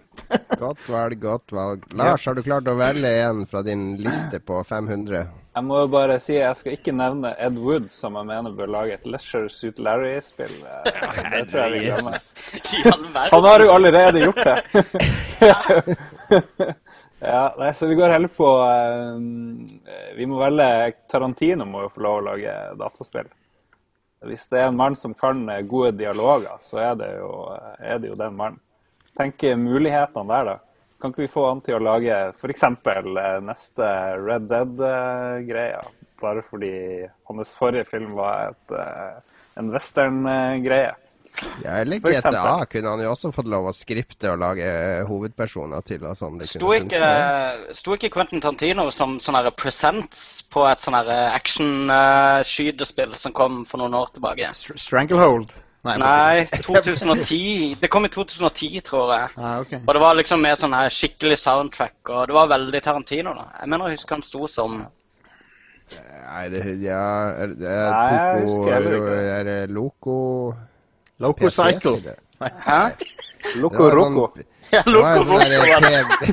Nei, det var en sånn PSP-spill eh, der du skulle skyte folk i sakte film hele tida. Det var laga i Danmark av alle Det var ikke bare på. PSP, det var på uh... Ja, nei, der bommer jeg. Det vet jeg ikke. Ja. Men uh, ok, la oss si at Tarantino er god på, på replikker. Og hvilket spill er det som er dårlig på replikker og uh, handling generelt? Det er jo Call of Duty, eh, som jeg ikke klarer å spille fordi jeg skjønner ikke hva som skjer i de spillene. Egentlig ikke Battlefield 4 heller.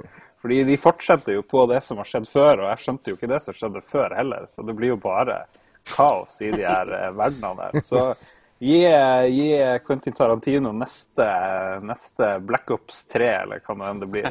Så eh, da hadde jeg vært en happy mann.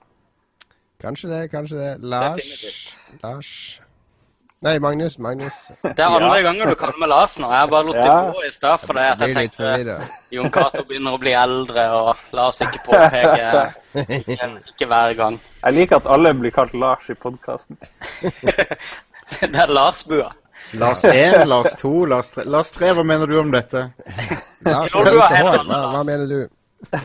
Men, Um, eh, hvem er din andre regissør, eh, Magnus? det er George Lucas. Oh. Jeg ser for meg, jeg ser The for meg Adventures han, of Jar Jar Binks. eh, han er med i min beskrivelse, og jeg har jo skrevet ned dette her, for jeg fikk et lite sånn her eh, blaff her. ånden kom over meg, som de sier i Kristiansand. Um, jeg ser for meg at han kommer til å revampe alle de gamle LucasArts-spillene. eh, og tilføre de helt overflødig supergrafikk, surround-lyd, men med overraskende platt og generisk stemmeskuespill.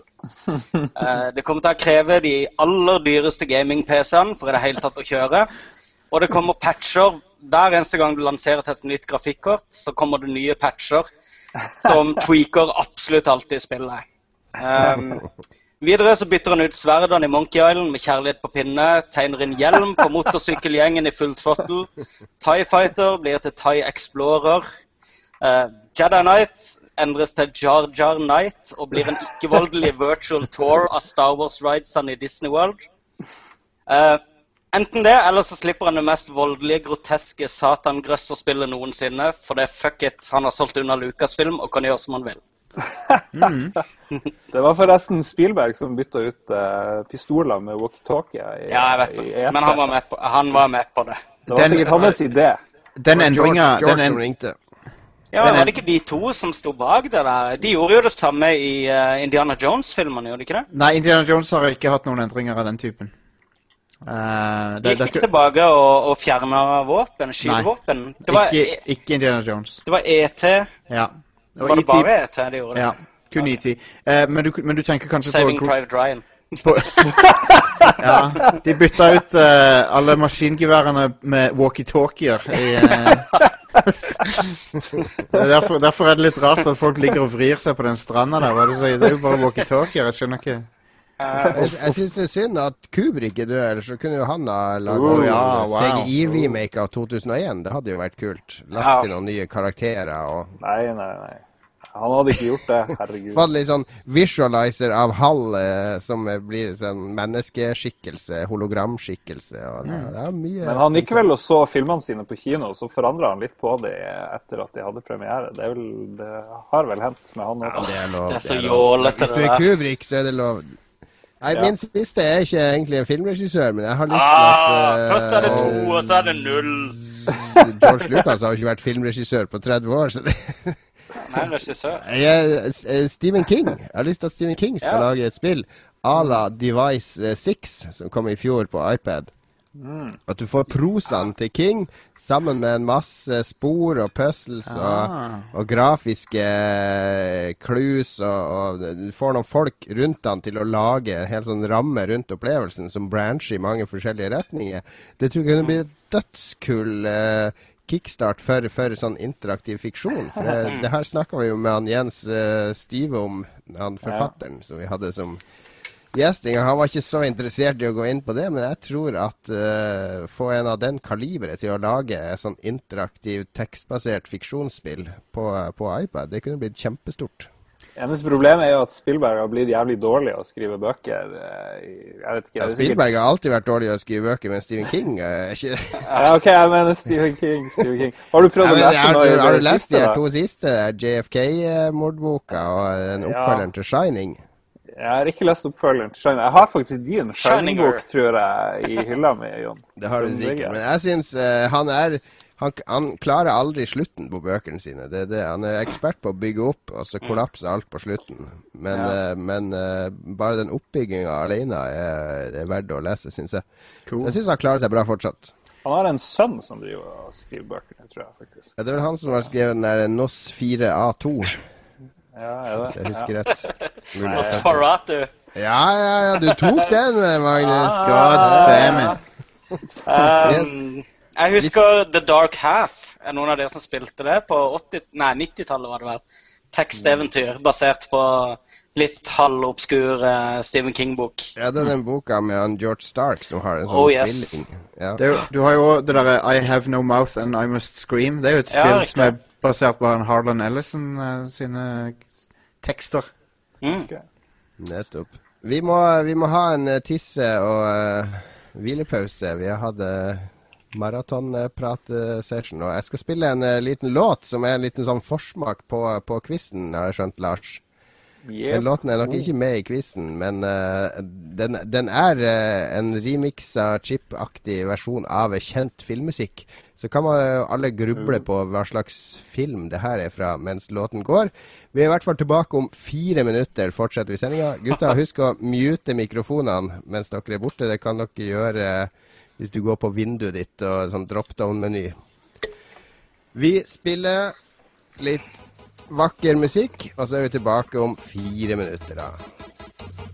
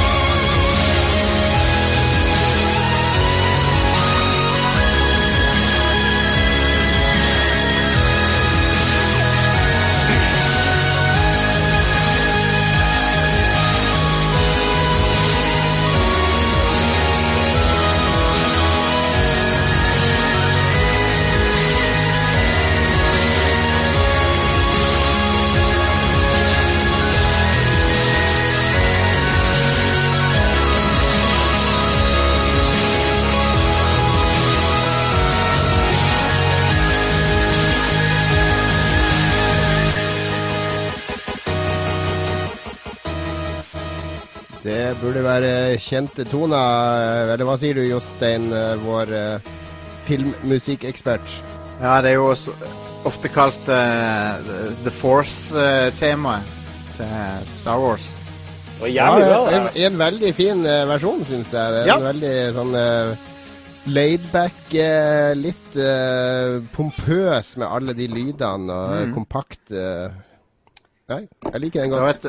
John Williams sin eh, metode med Star Wars eh, er noe som Wagner er, er kreditert med og så har begynt med. da. Det er også eh, til, det er også koble Ha en rekke motiver og temaer som er kobla til uh, rollefigurer eller situasjoner, og så, og så bruker han de når det passer. Sånn at uh, Ofte så kan han hinte til at eh, eh, han kan bruke de temaene og motivene til å hinte til ting som ikke er tydelige òg. Hvis han vil, på en måte vil eh, antyde at Darth Vader er involvert i noe, så kan han bare spille det temaet. Selv om Darth Vader ikke er på skjermen, så skjønner du det i underbevisstheten. Da lærte vi noe nytt. Yes. Vi har eh, vi er kommet Gjorde til vår våre du, du visste ikke det der, Lars? Jo, jo, herregud. Det er jo OK, da. okay, da. Nei, Jeg har hatt om subliminal persepsjon på skolen i dag, så jeg var helt med her, altså. Holy shit! Ja, ja. Holder på med organisasjonsatferd og ledelse, vet du. Da er vi på persepsjon. God Nei, Hvis jeg skal damn si en favoritt uh, filmmusikkomponi, så må det jo være John Williams. Ikke bare har han lagd musikken til awesome filmer, men uh, masse bra TV-serier. Hvis du går tilbake til 60-70-tallet, så har du Streets of San Francisco og mye sinnssykt Lost, Lost, Lost, in Space. ja. Lost, Ja. Jeg så du nevnte det på Twitter for ikke så lenge siden, Jostein. For den Yep. så jeg religiøst på TV3 under, eh, i studietida. Og den introsangen der er fantastisk. Den er konge. Nei, nei bra, det- bra, bra. Vi har masse lytterspørsmål som vi fikk inn i siste liten takket være en eh, hastetweet. Um, eh, Confusus90 har fått seg Xbox One og vil ha venner. Skal vi reklamere? Nå har vi jo for så vidt reklamert for det.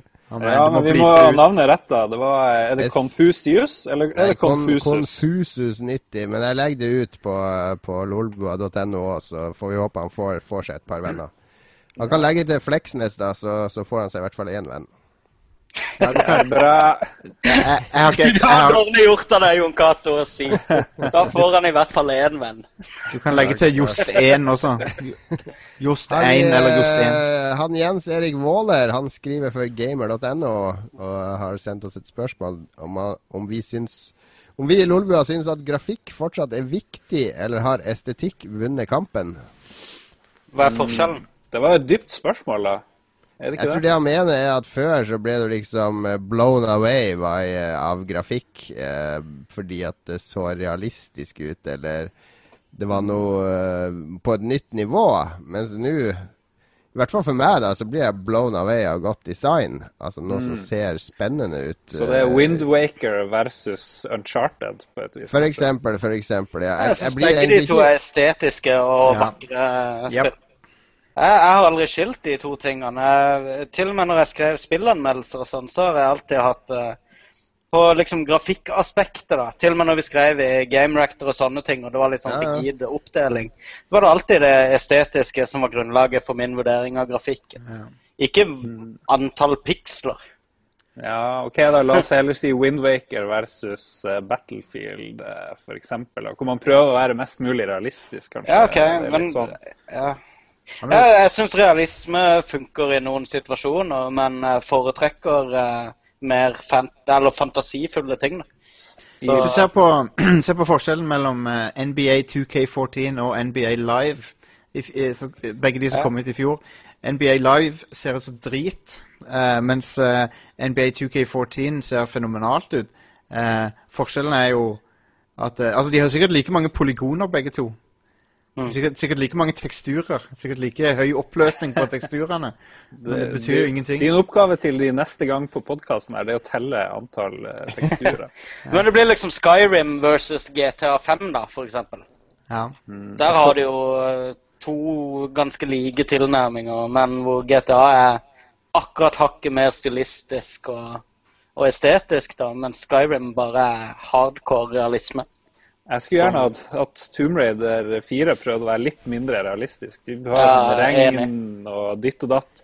Regn som detter ned i sjøen når du svømmer inn til land i starten. Og det ser ut som dritt fordi de prøver å gjøre det realistisk. De skal ha med alt. De skal ha bølger som slår mot klippet og sånn. Men det ser jævla dritt ut, fordi det, det går ikke an å lage det bra med dagens tech hvis du skulle gjøre det realistisk. ikke sant? Men hvis du kunne gjøre det på noen sånn selvshada måte, kanskje, eller noe sånt. De burde brukt, de burde brukt voksel. et Ja, jeg syns jo det er et, et, et misbruk av Altså, det er så mange det er så, du har så mange muligheter rent grafisk i det mediet som vi liker å leke oss i, at det, det er liksom Å å alltid skal gå etter den realismen, da holder du så mye tilbake. Fordi du har I motsetning til f.eks.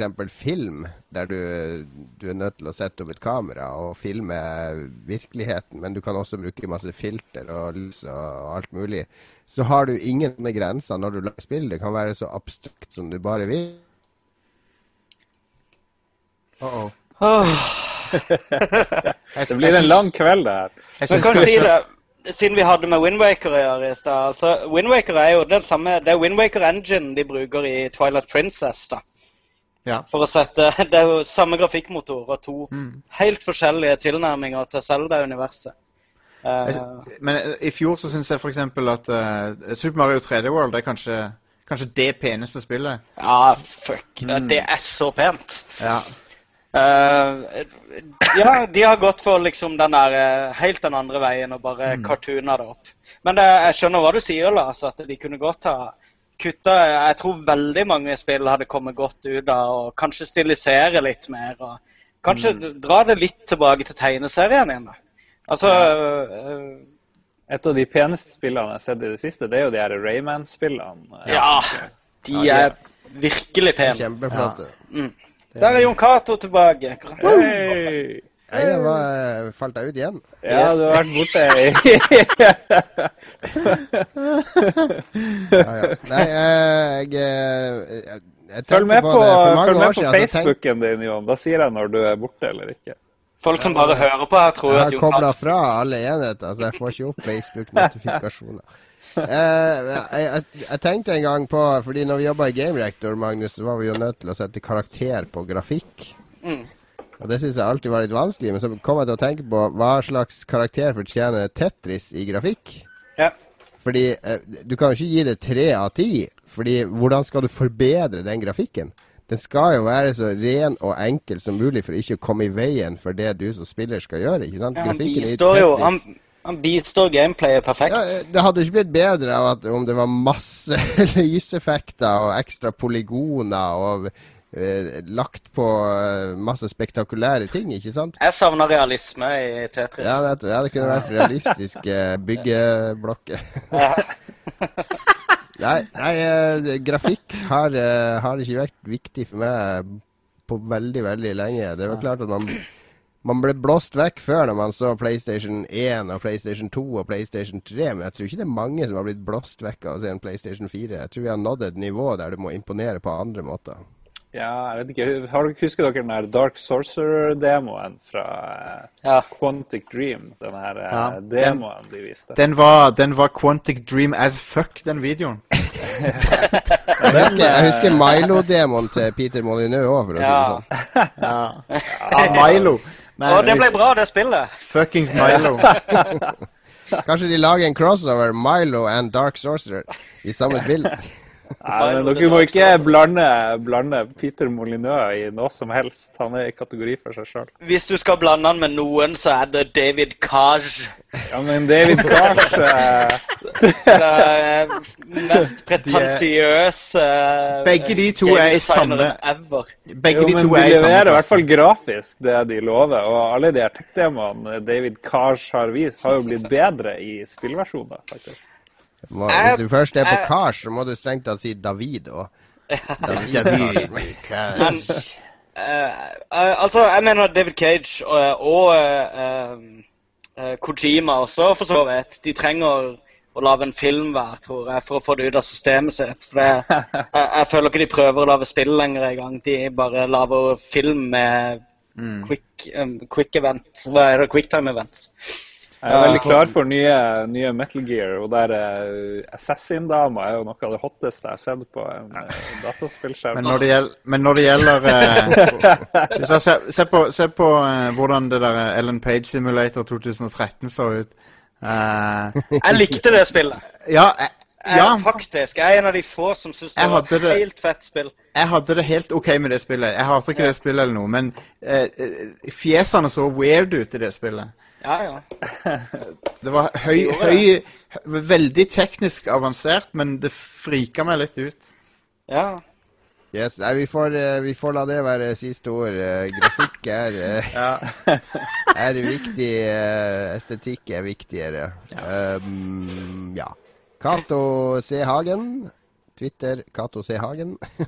Hva tror vi om Alien Isolation, uh, Jostein? Jeg tror eh, hvis det er noe Alien-spill som har potensial, så er det det. Samtidig så så eh, er det litt interessant at den utvikleren ikke har gjort noe som ligner på det der noensinne. Det kan være både bra og, og dumt, vet ikke ennå. Eh, men eh, Alien-franchisen har blitt litt sånn Sonic the Hedgehog. Det er sånn Hver gang det annonseres et nytt Alien-spill, så bare oh, man, men denne gangen her, nå går de tilbake til røttene til Alien. Dette her blir, blir så jævlig bra. Nå går de, men nå går de bare tilbake til røttene til Sonic the Hedgehog. Nå, nå, nå, nå er det ikke masse sidekicks og sånn lenger. Dette blir det beste Sonic the Hedgehog-spillet. Men Så- det var jo mange som snakka om det når Colonial Marines kom, at uh, hvorfor lager de ikke heller noe sånn Amnesia-aktig, der du må hele tida Ja. ja. gjemme deg og bli jakta på og sånne ting. Og det er jo det de prøver på nå, er det ikke det? Ja, Uh, Dead Space 1-aktig. det, ser, det ser fenomenalt ut. Sånn visuelt sett så ser de har naila den eh, 70-talls sci-fi-stilen. Eh, så, så er det noe som virker lovende, da, så er det det. Ja, vi får se. Jeg har ikke eh, Jeg har ingen forhåpning i det hele tatt, så jeg kan bare Nei, bli positivt overrasket. Jeg skulle gjerne sett at de tok tok, eh, og det ønsker jeg meg veldig mange sånne filmlisenser og sånt, at de får fullstendig frihet til å lage noe som ikke skal være så filmatisk og historiebasert, men bare tar utgangspunkt i universet. Altså et strategispill, eller ta, ta eksempel FTL, det indiespillet. Altså, du kunne laga et alienspill med det samme utgangspunktet. men I stedet for et romskip, så har du en base som du må drive Ja. og bygge ut og beskytte, og bemanne forskjellige stasjoner. og Du kunne gjort det mye, mye enklere med de samme tingene, men det skal alltid være sånn eh, Jeg var jo besøkt i Gearbox når de lagde Colonial Marines, og det er så mange folk som skal ha så mye å si. Ja. Og som skal beskytte ting, og det skal være den og den tematikken, og det skal være det og det visuelle og sånn. Så det er ganske vanskelig å få gjøre hva du vil når du først får en sånn megalisens.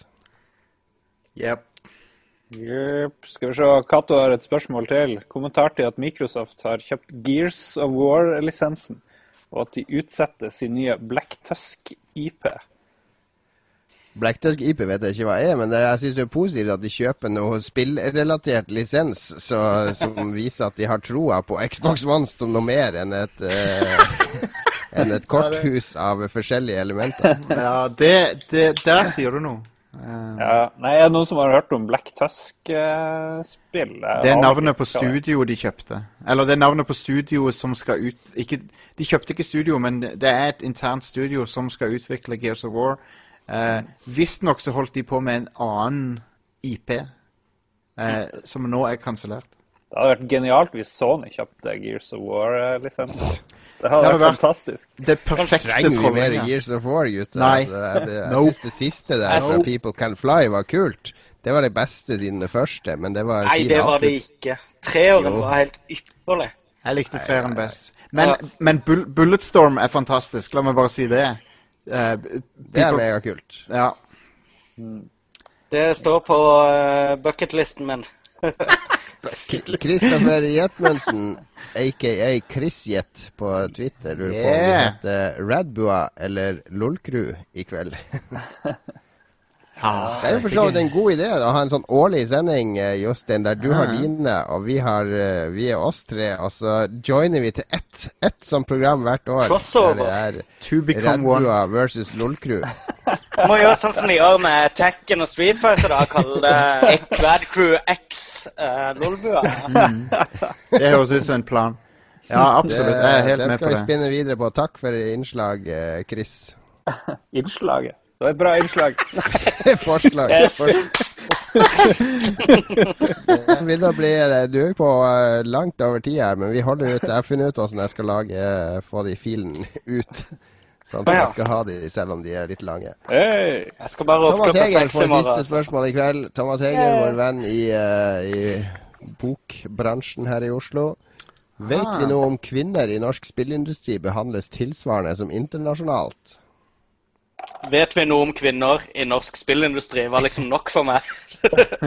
Nei. Nei, jeg, jeg, altså Vi så jo noen på eh, NM i gameplay. Vi så jo noen Ja. kvinner der. Du så ja, noen, ja. ja? OK. Ja. Snakka kanskje med noen òg, men vi fikk litt mye ratsiputs etter hvert, så eh, ja.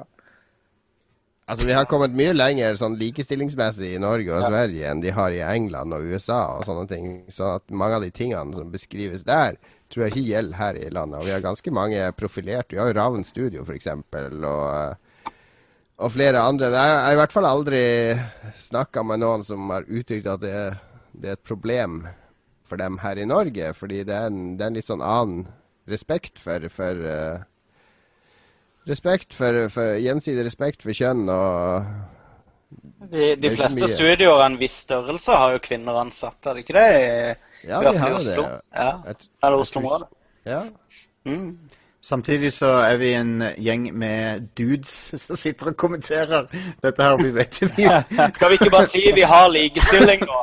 Jo, altså, Det er sånn derre Har dere opplevd Nei, jeg vet det. Jeg har ikke Nei. Vi erklærer bransjen likestilt. Ja. Vi tar med i vår eh, 8. mars-episode får vi ha inn en hel haug med kvinnelige gjester som får fine ord.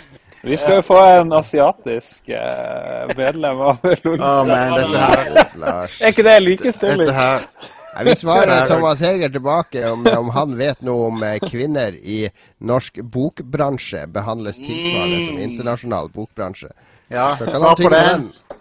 Ja, men for å være bitte litt seriøs, jeg var på en sånn kjip eh, betalt tur av Microsoft i eh, San Francisco. Og eh, i stedet for å gidde å høre om XNA, det her utviklingsmiljøet til PS, det er Xbox 360, så prøvde jeg å snakke med en av de få damene som var der. liksom eh, Spurte om vi kunne ha en Jeg hadde en sånn story jeg ville lage om kvinner i spillindustrien, men det er jo nekta å svare på det. Det skulle liksom Wow. jeg vet ikke om det var fordi det var et helvete å være der, eller bare fordi hun ville pushe agendaen. Det var kanskje det siste, men eh, ja. Det var ikke så lett å finne ut av det i eh, San Francisco i 2005, eller hva det var for noe. Det gikk jo veldig greit med hun der andre Microsoft-dama, gjorde det ikke det? Hun ble jo behandla bra på, eh, på internett. Og den nye sjefen, ja. Ja. Å, herregud, det var Det var She's not a gamer? Det var pinlig, ass. Det var Man. Ja, det er flaut. Det er flaut. Nå blir det en spesiell spalte, fordi Lars har for en gangs skyld forberedt seg. Quizmasteren!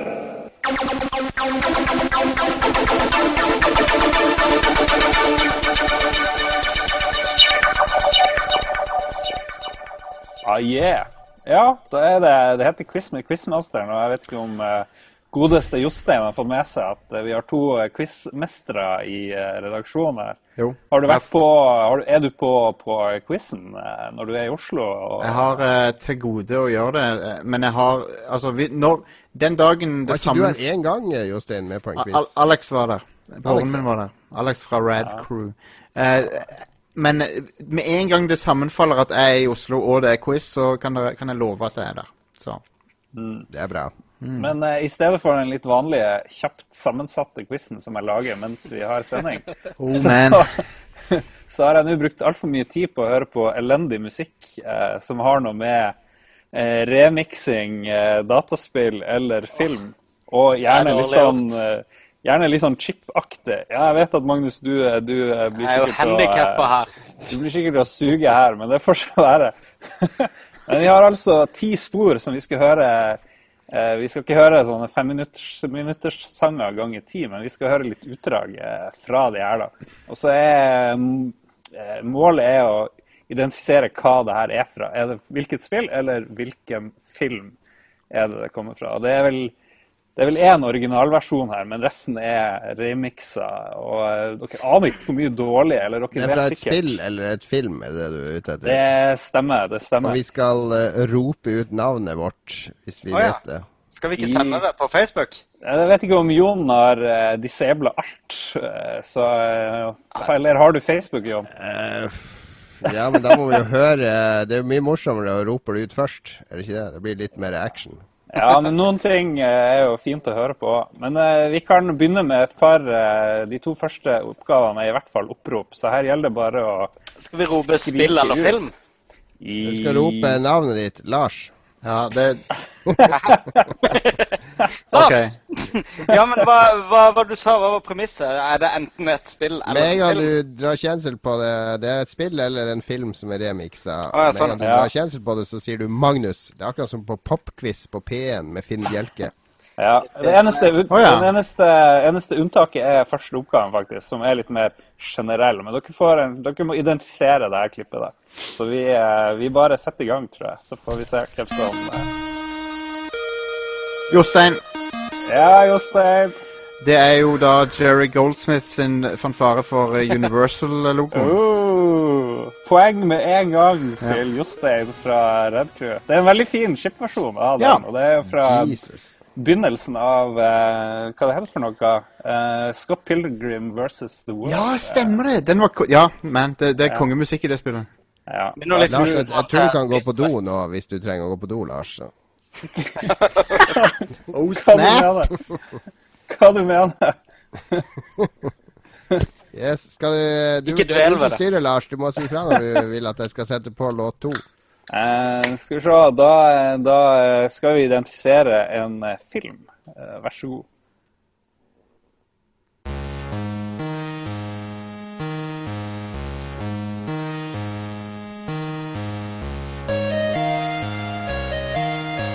Jostein,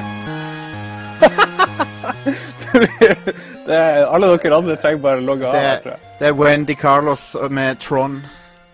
Oi, sann. det, det er veldig bra. Veldig, veldig bra.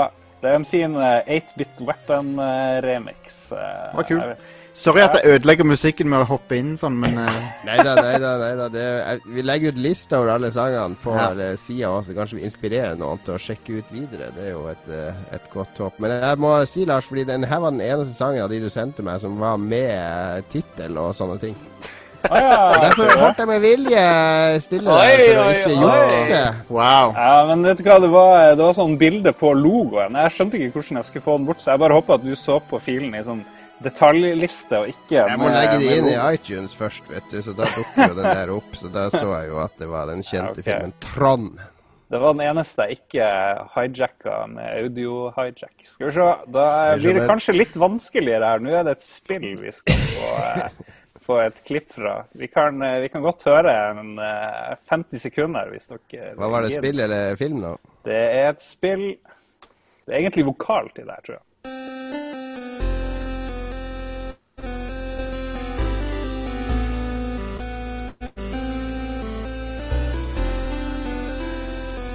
Det er et japansk eh, spill. Det er i hvert fall en japansk dame som synger, egentlig.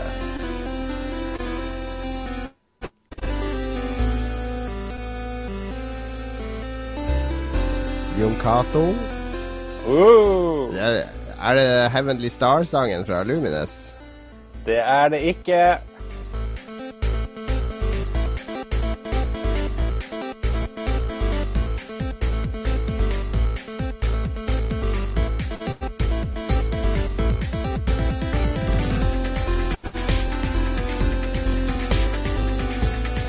Jostein, Oh, Jostein.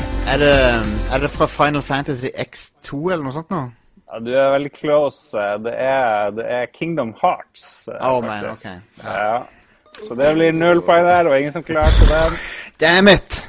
Det er ei dame som heter Utada Hikaru, som er sånn her eh, j-pop-dronning. som har en, Det er sikkert i slutten av eh, spillet eller noe sånt. Jeg tenkte at noen av dere noen av dere måtte sikkert være Kingdom Hearts-fans, men det, det stemmer ikke. Nei, Nei. ikke fan. Nei. Men det er en kul remix, så den anbefaler jeg folk å sjekke. Jeg tror det blir litt lettere i, um, i uh, oppgave fire. Her er det bare å uh, rope ut, egentlig.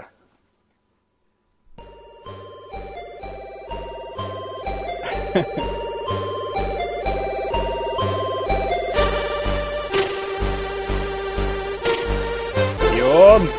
Jeg vet hva det er. Det er også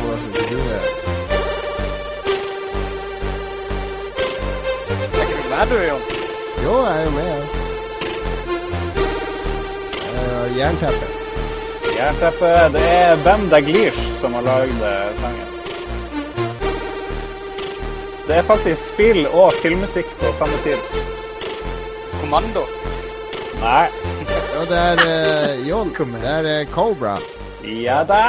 Oh, Stallone-filmen. shit. Mhm. Det er første poeng til Jon. Hvem hadde det soundtracket, Jostein? Jeg husker Er det Jeg husker ikke. Det Er det Giorgio Moroder eller et eller annet sånt? Jeg, jeg husker ikke. Ja, Jeg spilte det- spillet i hjel, i hvert fall. Ja. Jo, det, det Jeg husker ikke så mye av Jeg, spillet. la, Det jeg prøvde jo til og med å lage mod av den sangen på Amigaen. Husker du det, Lars? Mm, Nei, jeg gleder meg veldig til sendinga vi skal ha, hvor vi bare skal spille Jon Cato-mods. eh, Jeg blir med der. Ja, ja, ja. Nå stakk eh, Magnus. Han har skjønt at det Han kommer går tilbake. Ja, jeg er ute av quizen. Har vi Han skal bare ut og hente Shazam. Skal bare hente Oi, jeg henter Ringenes. Vent litt, jeg må tilbake igjen. har vi Stucam. altså. Mm, Se der, ja. All right. Der, ja. Er vi klare for sang fem? Skal du si noe om den, Lars? Uh, den her er lagd remix av en som heter Vinissi UKPS, og den er bare helt awesome. Dere må høre i hvert fall ti sekunder. Det er ikke lov å, å rope for tidlig her. Ok. Vær så god.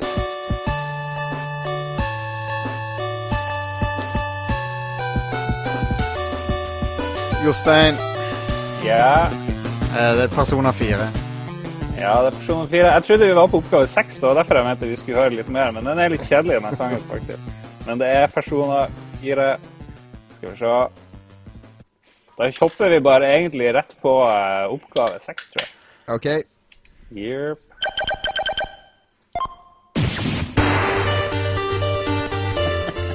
Magnus, det er Phoenix Wright.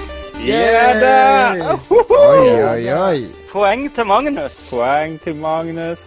Vi må høre litt på den uh, sangen Ja, der. den er fin. Det er Objection-sangen. Yes. Hold it! Vi spilte faktisk en Phoenix. Wright-sang på forrige quiz. Uh, Det gjorde Magnus, vi. Ja. Nei, men eh, det er en eh, lang sang med remixer fra alle de forskjellige sangene med de ulike Objection-låtene. Å, eh, fett. Jeg digger de spillene, men jeg sovner alltid mens jeg spiller dem. Det, ja, det, Sønnen min på tolv sin favorittmusikk er Phoenix Wright-musikken. Han har, Jeg fant den der boksen på nettet som jeg kjøpte, og han har alle på iPoden sin. Nice. Ja, bra. Nå kommer det to litt dårlige sanger. Jeg tror de er lagd med et sånt program hvor man bare gjør om eh, noter til sånn her eh, fake 8-bit. Men, eh, ja, dårlig quiz. ja, det, det, men vi må ha litt dritt òg. Ja, det er sant. Det her er da en film vi skal frem til.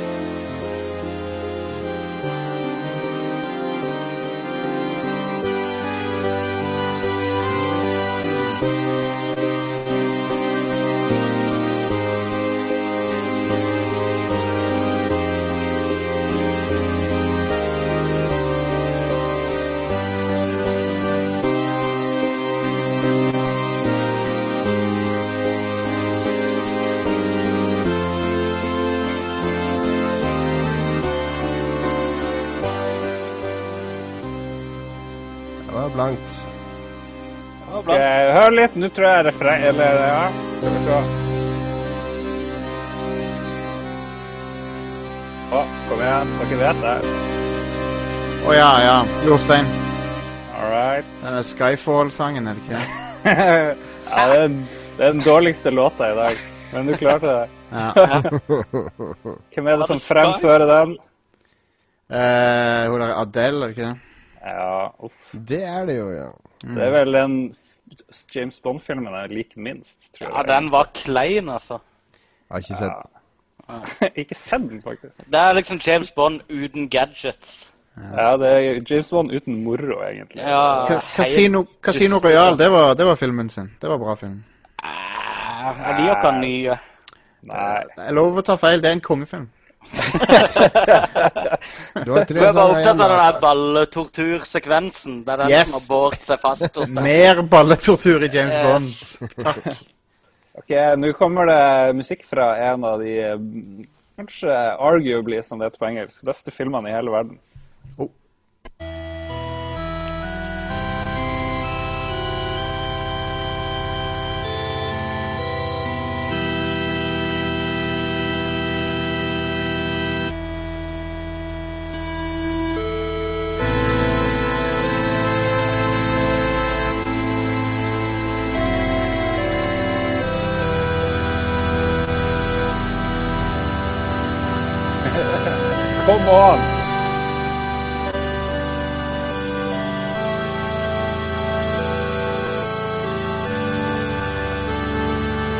Kan røpe så mye at, sånn at Christopher Lambert er en av hovedrollene. Outlander. Der må må det være Highlander. Ja, bare se. Outlander, sa jeg. vet Highlander. Der kommer jo Queen.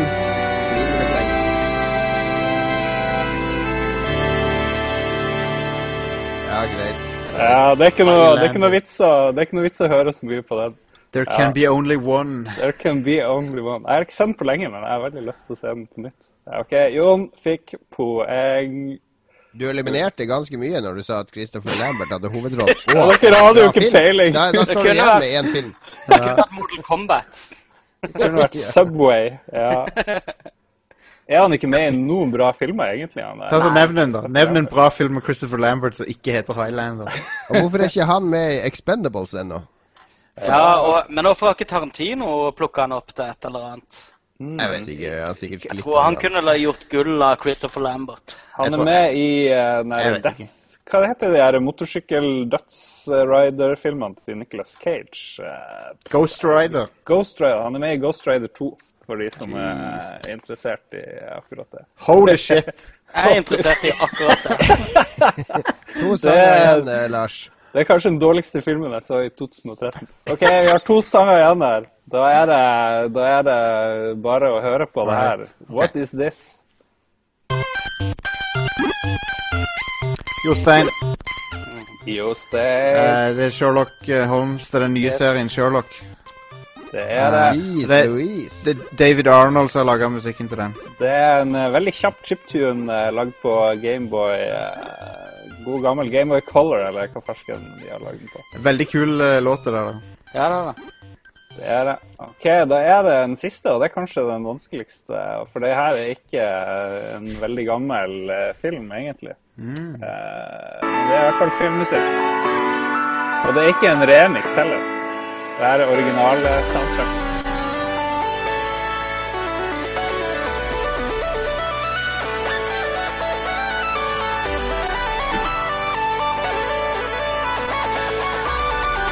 Vi er inne i en slags bridge her. da.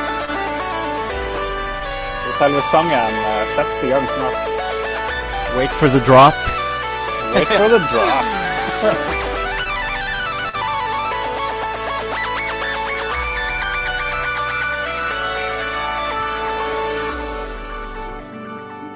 Skal han bygge seg litt opp da, før vi dropper.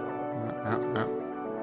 Det er en artist som egentlig lager De som finner artisten, får opp poeng, da. Men det er en artist som egentlig lager mye verre sanger enn det her. Det er vel den ene bra jeg har lagd.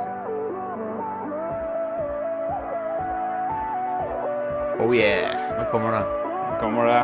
Hvis dere ikke har sett den filmen, så shame on you, altså. Jeg vet jeg ikke har sett den, for jeg kjenner ikke igjen dette her.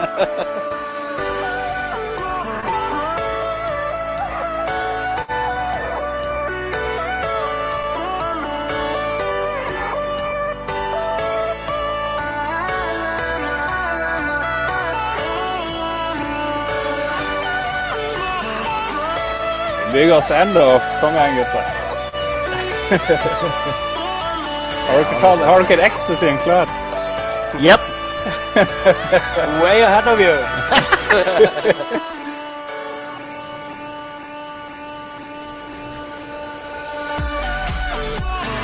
Nei, it's dropping. Nei, dere har ikke sett den. Men det er en eh, flott film som heter Spring Breakers. Og det er Nettopp, ja. ja. ja, Den har jeg lyst til å se. Ja, men den er helt sinnssykt awesome. Det, Jeg har forstått at den skal, den skal være dritkul, ja. det, det her er faktisk lagd av Skrillex, uh, uten sånne wom, wap, wap, wap-lyder.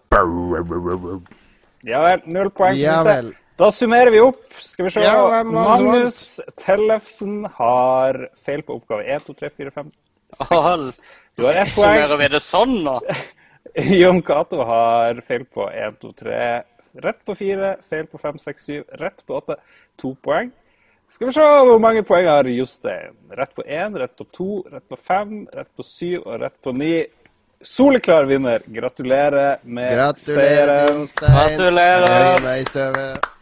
Dere lot gjesten vinne. Det er bra. Jeg var bare høflig. Ja. Ja, Quizene bruker å være litt eh, biased i forhold til gjesten. Det er sånn Ja, det skal være. alltid biased i forhold til gjesten. Sånn skal det være. Ja. Yeah.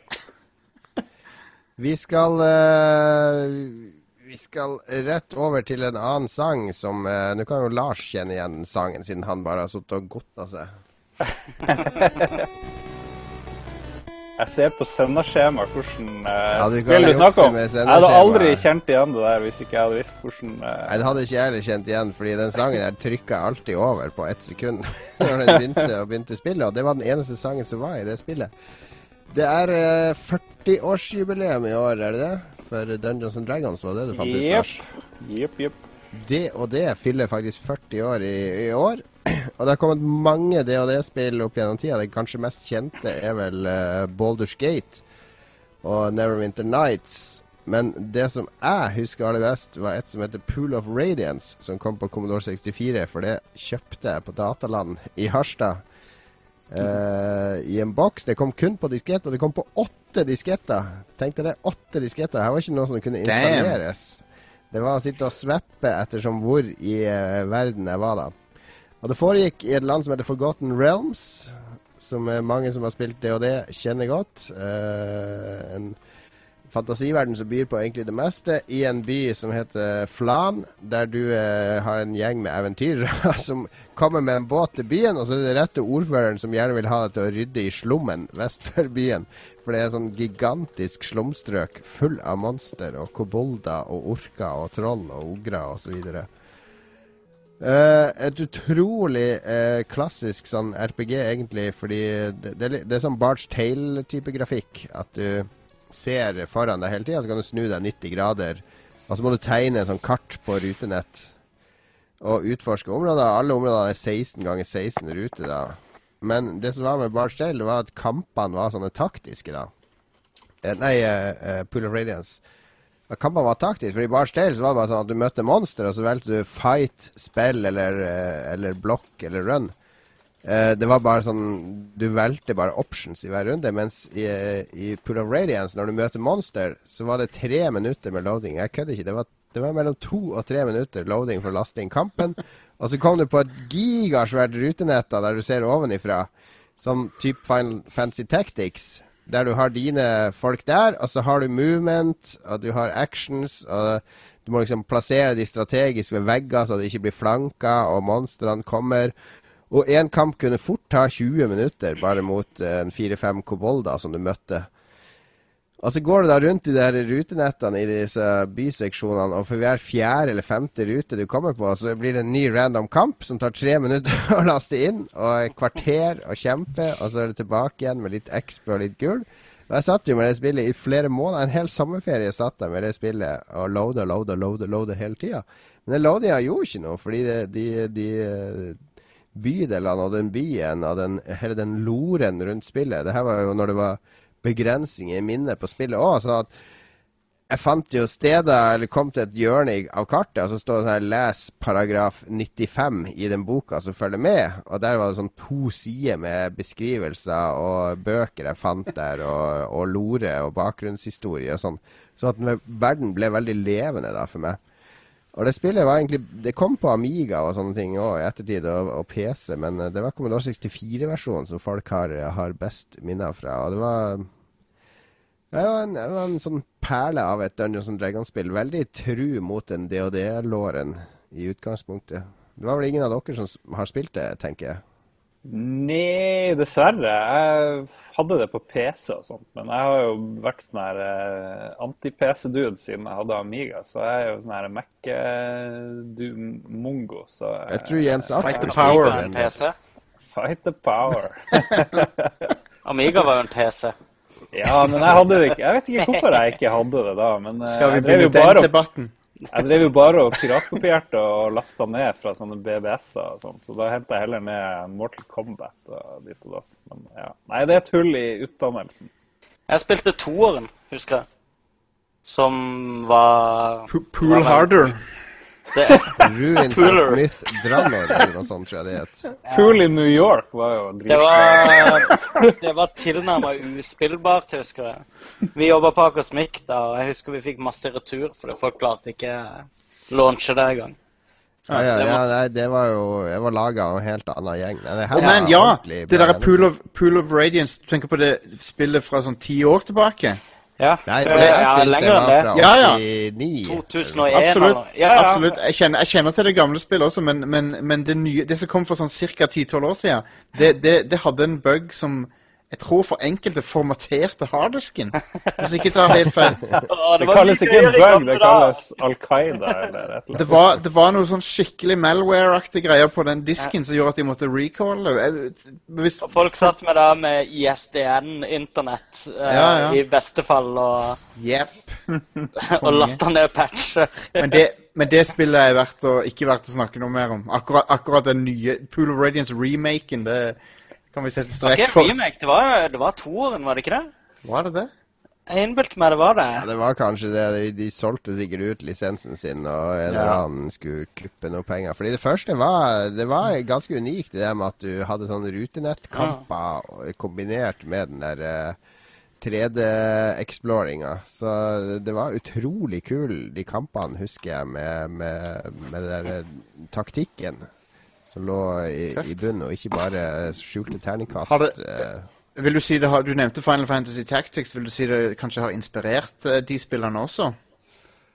Nei, det tør jeg ikke å påstå. Altså, det var jo det var Laser Squad også, Laser Squad som kom på starten av 90-tallet, var jo Eller det, det, kom jo på Spektrum på 80-tallet, det. Det var liksom prototypen på de rundebaserte spillene. Og det tror jeg har inspirert Final Fantasy Tactics, for det, Ja. det gjorde alt som, som de spillene har gjort i ettertid. Det var det som satte standarden for XCOM og alle de tingene der. Ja, ja, ja. Kult. Men hvis jeg har lyst til å spille Pool of Radiance uh, nå, hvordan skal jeg kunne gjøre det? 64-emulator og bare finne det et eller annet sted på nettet, disk-imagene, så er det bare å begynne å Du får kjøpe det brukt på eBay. Men det her er virtual console-greia som var på, eh, på eh, originale Wien. Det var jo en del Commodore 64-spill og sånt der. Hvorfor har de ikke kjørt på? Det må jo være pissenkelt å bare gi Nei, ut de de her merka vel at det var jeg og 40 andre som kjøpte Uridium, så det var kanskje ikke, ikke verdt det. Nei, men hvor mye jobb kan det være, egentlig, å hive ting inn i en emulator og sende det ut? Jeg vet ikke.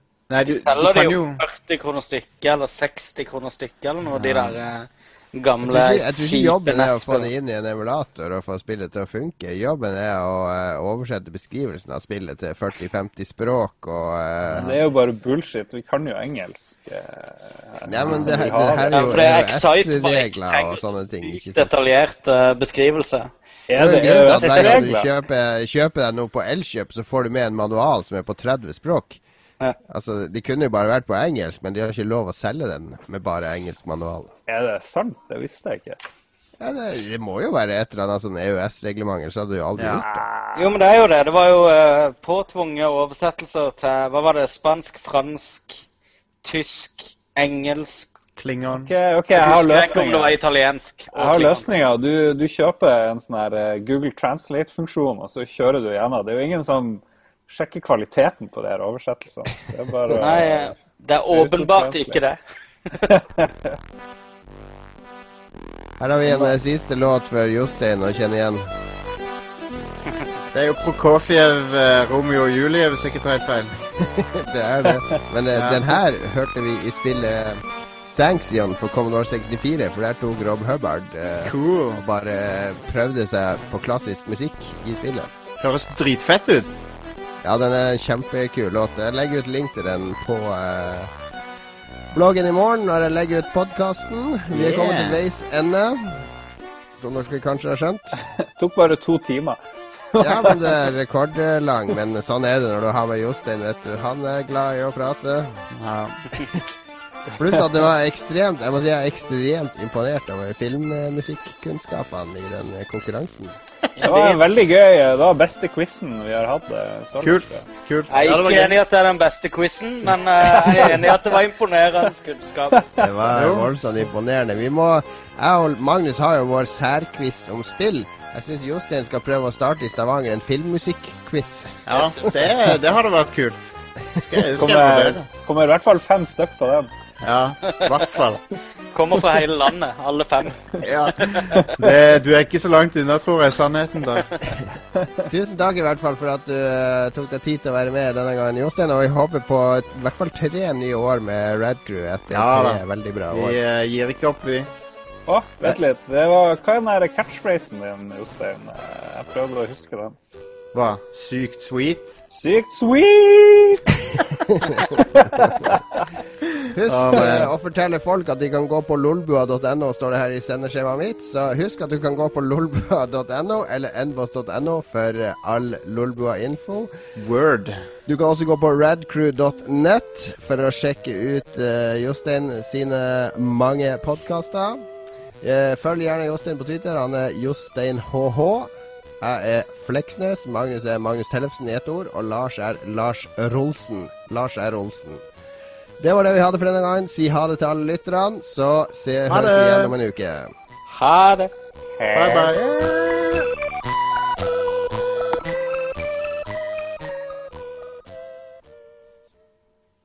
Har du et enkeltpersonforetak eller en liten bedrift? Da er du sikkert lei av å høre meg snakke om hvor enkelt det er med kvitteringer og bilag i fiken, så vi eh, gir oss her, vi.